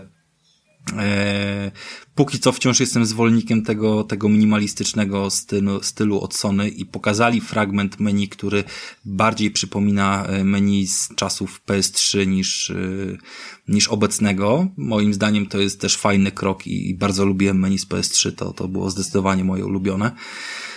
Yy, więc powiedziałem o Gran Turismo 7, że na pewno mm, będę długie godziny w nim męczył. Na pewno Ratcheta sobie ogarnę. Zresztą Ratchet yy, z PS4, na którego się już od dawna czaiłem, to jest kolejna mm, z tych, tych ośmiu gier, które w tym miesiącu sobie yy, wyszarpałem. Horizon, zgadzam się z tobą, że to raczej nie będzie premiera y, przez najbliższy pierwszy rok po premierze. Myślę, że to mogą być y, raczej gorący sezon świąteczny kolejnego roku, czy, czy coś w tym stylu. I bardzo mi się fajnie grało, ale jak przerwałem tą grę, to do niej nie wróciłem z uwagi, że tam jest dużo mechanik, których się trzeba nauczyć i, i, i to jest minus, że, że, że jak się mocno oderwiesz od jakiejś gry, ja chyba właśnie wtedy mm, wjechałem w jakąś Forzę, czy coś, kupiłem tego Xboxa i przepadłem na dobre dwa miesiące, więc do Horizona nigdy nie wróciłem, ale na pewno to jeszcze zrobię sobie w międzyczasie. Trochę mnie korci, żeby niektóre z tych gier, które mm, wiem, że mają już przygotowane, ulepszone opcje pod y, PS Pro, żeby też z nimi zaczekać i po prostu w momencie, kiedy na pewno będzie tam troszeczkę brakowało tytułów do grywania na PS5, dopiero wtedy po nie sięgnąć, tak? No jakby wyszło tyle tych gier, że yy, myślę, że mało kto, może Tomek ma ograne yy, większość z nich, ale, ale nie my. E, więc, więc niektóre tytuły na pewno sobie jeszcze odłożę na PS5 i na pewno taką decyzję już podjąłem odnośnie e, Red Dead Redemption. Po prostu wolę zobaczyć ją e, w tak zwanej tej wstecznej kompatybilności domniemanej, którą uważam, że, że jeżeli tam 4000 tytułów ma działać, to, to Red Dead też będzie działał. Mm, w wersji po prostu z PS Pro niż, niż z tej mojej klasycznej, tak? Bo to jest jakby pewien brak w mojej bibliotece, że tego prosiaka, mm, że tego prosiaka nie mam. E, Ratchet mi się faktycznie bardzo podobał i to przeskakiwanie między, e, między światami było super, było strasznie zamieszane, ale to jest e, świetna seria i nie martwię się o to, co powiedziałeś, że, że tam będzie mało gry, bo to jest Insomniak i oni naprawdę dla Sony robią świetne rzeczy ostatnio. I jeżeli mamy teraz mnóstwo opinii mówiących o tym, że ten Ratchet z pokazu Sony wygląda lepiej niż e, film, który swoją drogą wyszedł tam 4 lata temu, w 2016, to znaczy, że to jest fajna robota, że to ma tak wyglądać. Yy, no i został stwierdzony, że, że tam na jakichś analizach, że to było natywne 4K bez, bez jakichś tam spadków i wszystko sobie tam powiedzmy grało. Ja wiem, że cały pokaz, to jest też kolejny fakt, że cały pokaz został opuszczony w 30 klatkach w 1080, ale można było stwierdzić, że, że wiele gier yy, leciało w, w 4K, mm, niektóre w 30, niektóre w 60 klatkach i dodatkowo. Większość w 30, w 60. Gran Turismo było w 60 na pewno. E, może, chociaż Gran Turismo... Na pewno było w 60, bo to sobie zanotowałem. Okej, okay, dobrze. No... tam to czytałem, że Gran Turismo było w 60. No tak, Natomiast okay, no dodajmy do tego fakt, że też wiele tych gier miało y, ray tracing, który nie był tak mocno, y, jakby cały czas się zastanawialiśmy, czy Sony będzie miało ray tracing w formie pełnej, czy w formie jakiejś wybrakowanej, y, czy to będzie tylko ray tracing y, odpowiadający za ten dźwięk 3D, mm, to, to Xbox się chwalił tym ray tracingiem, a Sony raczej milczało ten temat, tą technologię, ale bardziej w kontekście dźwięku. Więc w momencie, kiedy wspomagany właśnie sprzętowo ray tracing może nie wykorzystany w 100%, tak jak w jakimś tam, wiesz, bo to mało która gra teraz to wykorzystuje, e, ale jednak e, wspierany sprzętowo ray tracing wykorzystany w kilku co najmniej tytułach, które tam były pokazane, e, jak, jak chociaż było na tej analizie z Digital Foundry, którą puściłeś na, na grupie. Jak to oni słusznie powiedzieli? No jest to najbardziej optymistyczna opcja, jaką sami przewidywali podczas poprzednich, bazując na poprzednich informacjach, więc to mnie cieszy, cieszy, bo szczerze mówiąc wątpiłem trochę, czy ten ray tracing będzie i, i czy to raczej nie będą jakieś sztuczki. Mm, więc to jest całkiem fajne. E, dobra, to, to, to, to Rafale chciałem tylko powiedzieć, że widziałem parę gier z wykorzystaniem ray tracingu i to jak wyglądają te gry, a to co pokazało Sony, to ja osobiście nie widziałem tam ray tracingu. Ja tak samo Więc, nie widziałem. A widziałem gry z ray tracingiem i wow, wow, a tam Ratchet był ładny, ale dopiero jak przeczytałem, to, to, to się dowiedziałem, że tam w ogóle ray tracing był, więc nie zrobiło to na mnie, Rafale, żadnego wrażenia. Mam nadzieję, ale jak, Ale jakich grach mówisz, bo tak aż jestem, jestem ciekawy, ciekaw sam jeszcze. do czego teraz y, uderzasz? E, Raf, e, Rafale, e, no oczywiście gier, które wyglądają dużo gorzej. E, wiesz co, nie pamiętam. Widziałem jedną grę, która ma, która nie wygląda, e, nie wygląda jakoś świetnie, ale ma ray tracing i to jest zupełnie inna gra. E, wy... e, jest jedna bomba ray tracingowa, czyli Minecraft. Porównajcie sobie zwyczajnego Minecrafta i Minecrafta z ray tracingiem. Nie, ale nie e, schodźmy chłopaki Miacka, na Minecrafta. Ja wiem, że no jakby tam to jest w ogóle jakby włączyć i wyłączyć światło, nie? No jakby to, to jest zupełnie inna kwestia.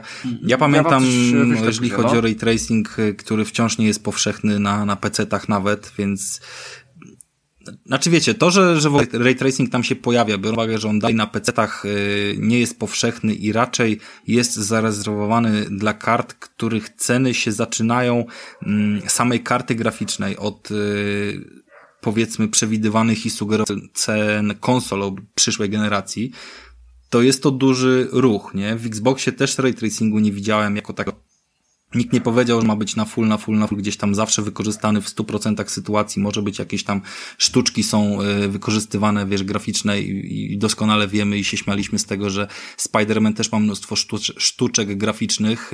E, niemniej jednak świat z ich wykorzystaniem wygląda mega zajebiście, nie? Więc jeżeli to będzie zrobione dobrze, to, to spoko i fajnie, że jest jakieś wsparcie.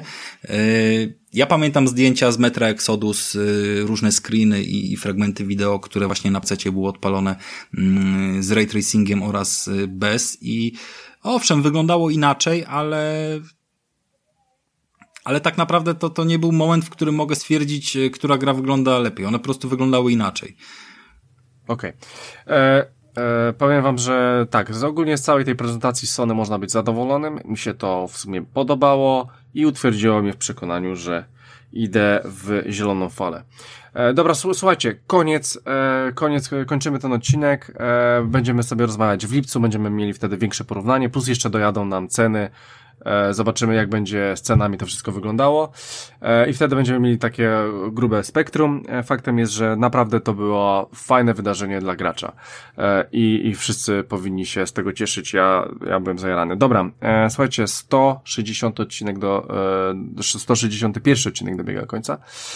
Więc słuchajcie, drodzy słuchacze, wchodźcie standardowo na bezimienny.pl, tam wrzucamy odcinki. Poza tym oczywiście grupa fanpage i grupa facebookowa bezimienny podcast, e, tam sobie jesteśmy. A poza tym wszystkie aplikacje e, i aplikacje e, na telefon, na, na różne dziwne rzeczy, plus iTunes, plus Spotify, tam też jesteśmy. Jesteśmy też w radiu, Black Widow Radio, tam na, możecie nas posłuchać, no i standardowo jesteśmy też na YouTubie. Ostatnio sobie pomyślałem, żeby połączyć Twittera z Facebookiem i wrzucać na Twittera, bo mam, bo kiedyś byliśmy na Twitterze i dalej jest to konto, ale muszę to jeszcze ogarnąć, ale jestem w trakcie realizacji tego, bo Facebook e, strasznie śmieci czasami, nie podoba mi się e, parę rzeczy w tym. E, no ale zobaczymy, to jest w trakcie realizacji. Więc słuchajcie, 161 odcinek dobiega końca. Standardowo moimi gośćmi był Michał Stiller. Dziękuję bardzo, do następnego razu. Rafał Radomyski. Dziękuję, cześć. I Christian Kender, a my standardowo słyszymy się za dwa tygodnie, więc do usłyszenia, drodzy słuchacze. Trzymajcie się. Hej.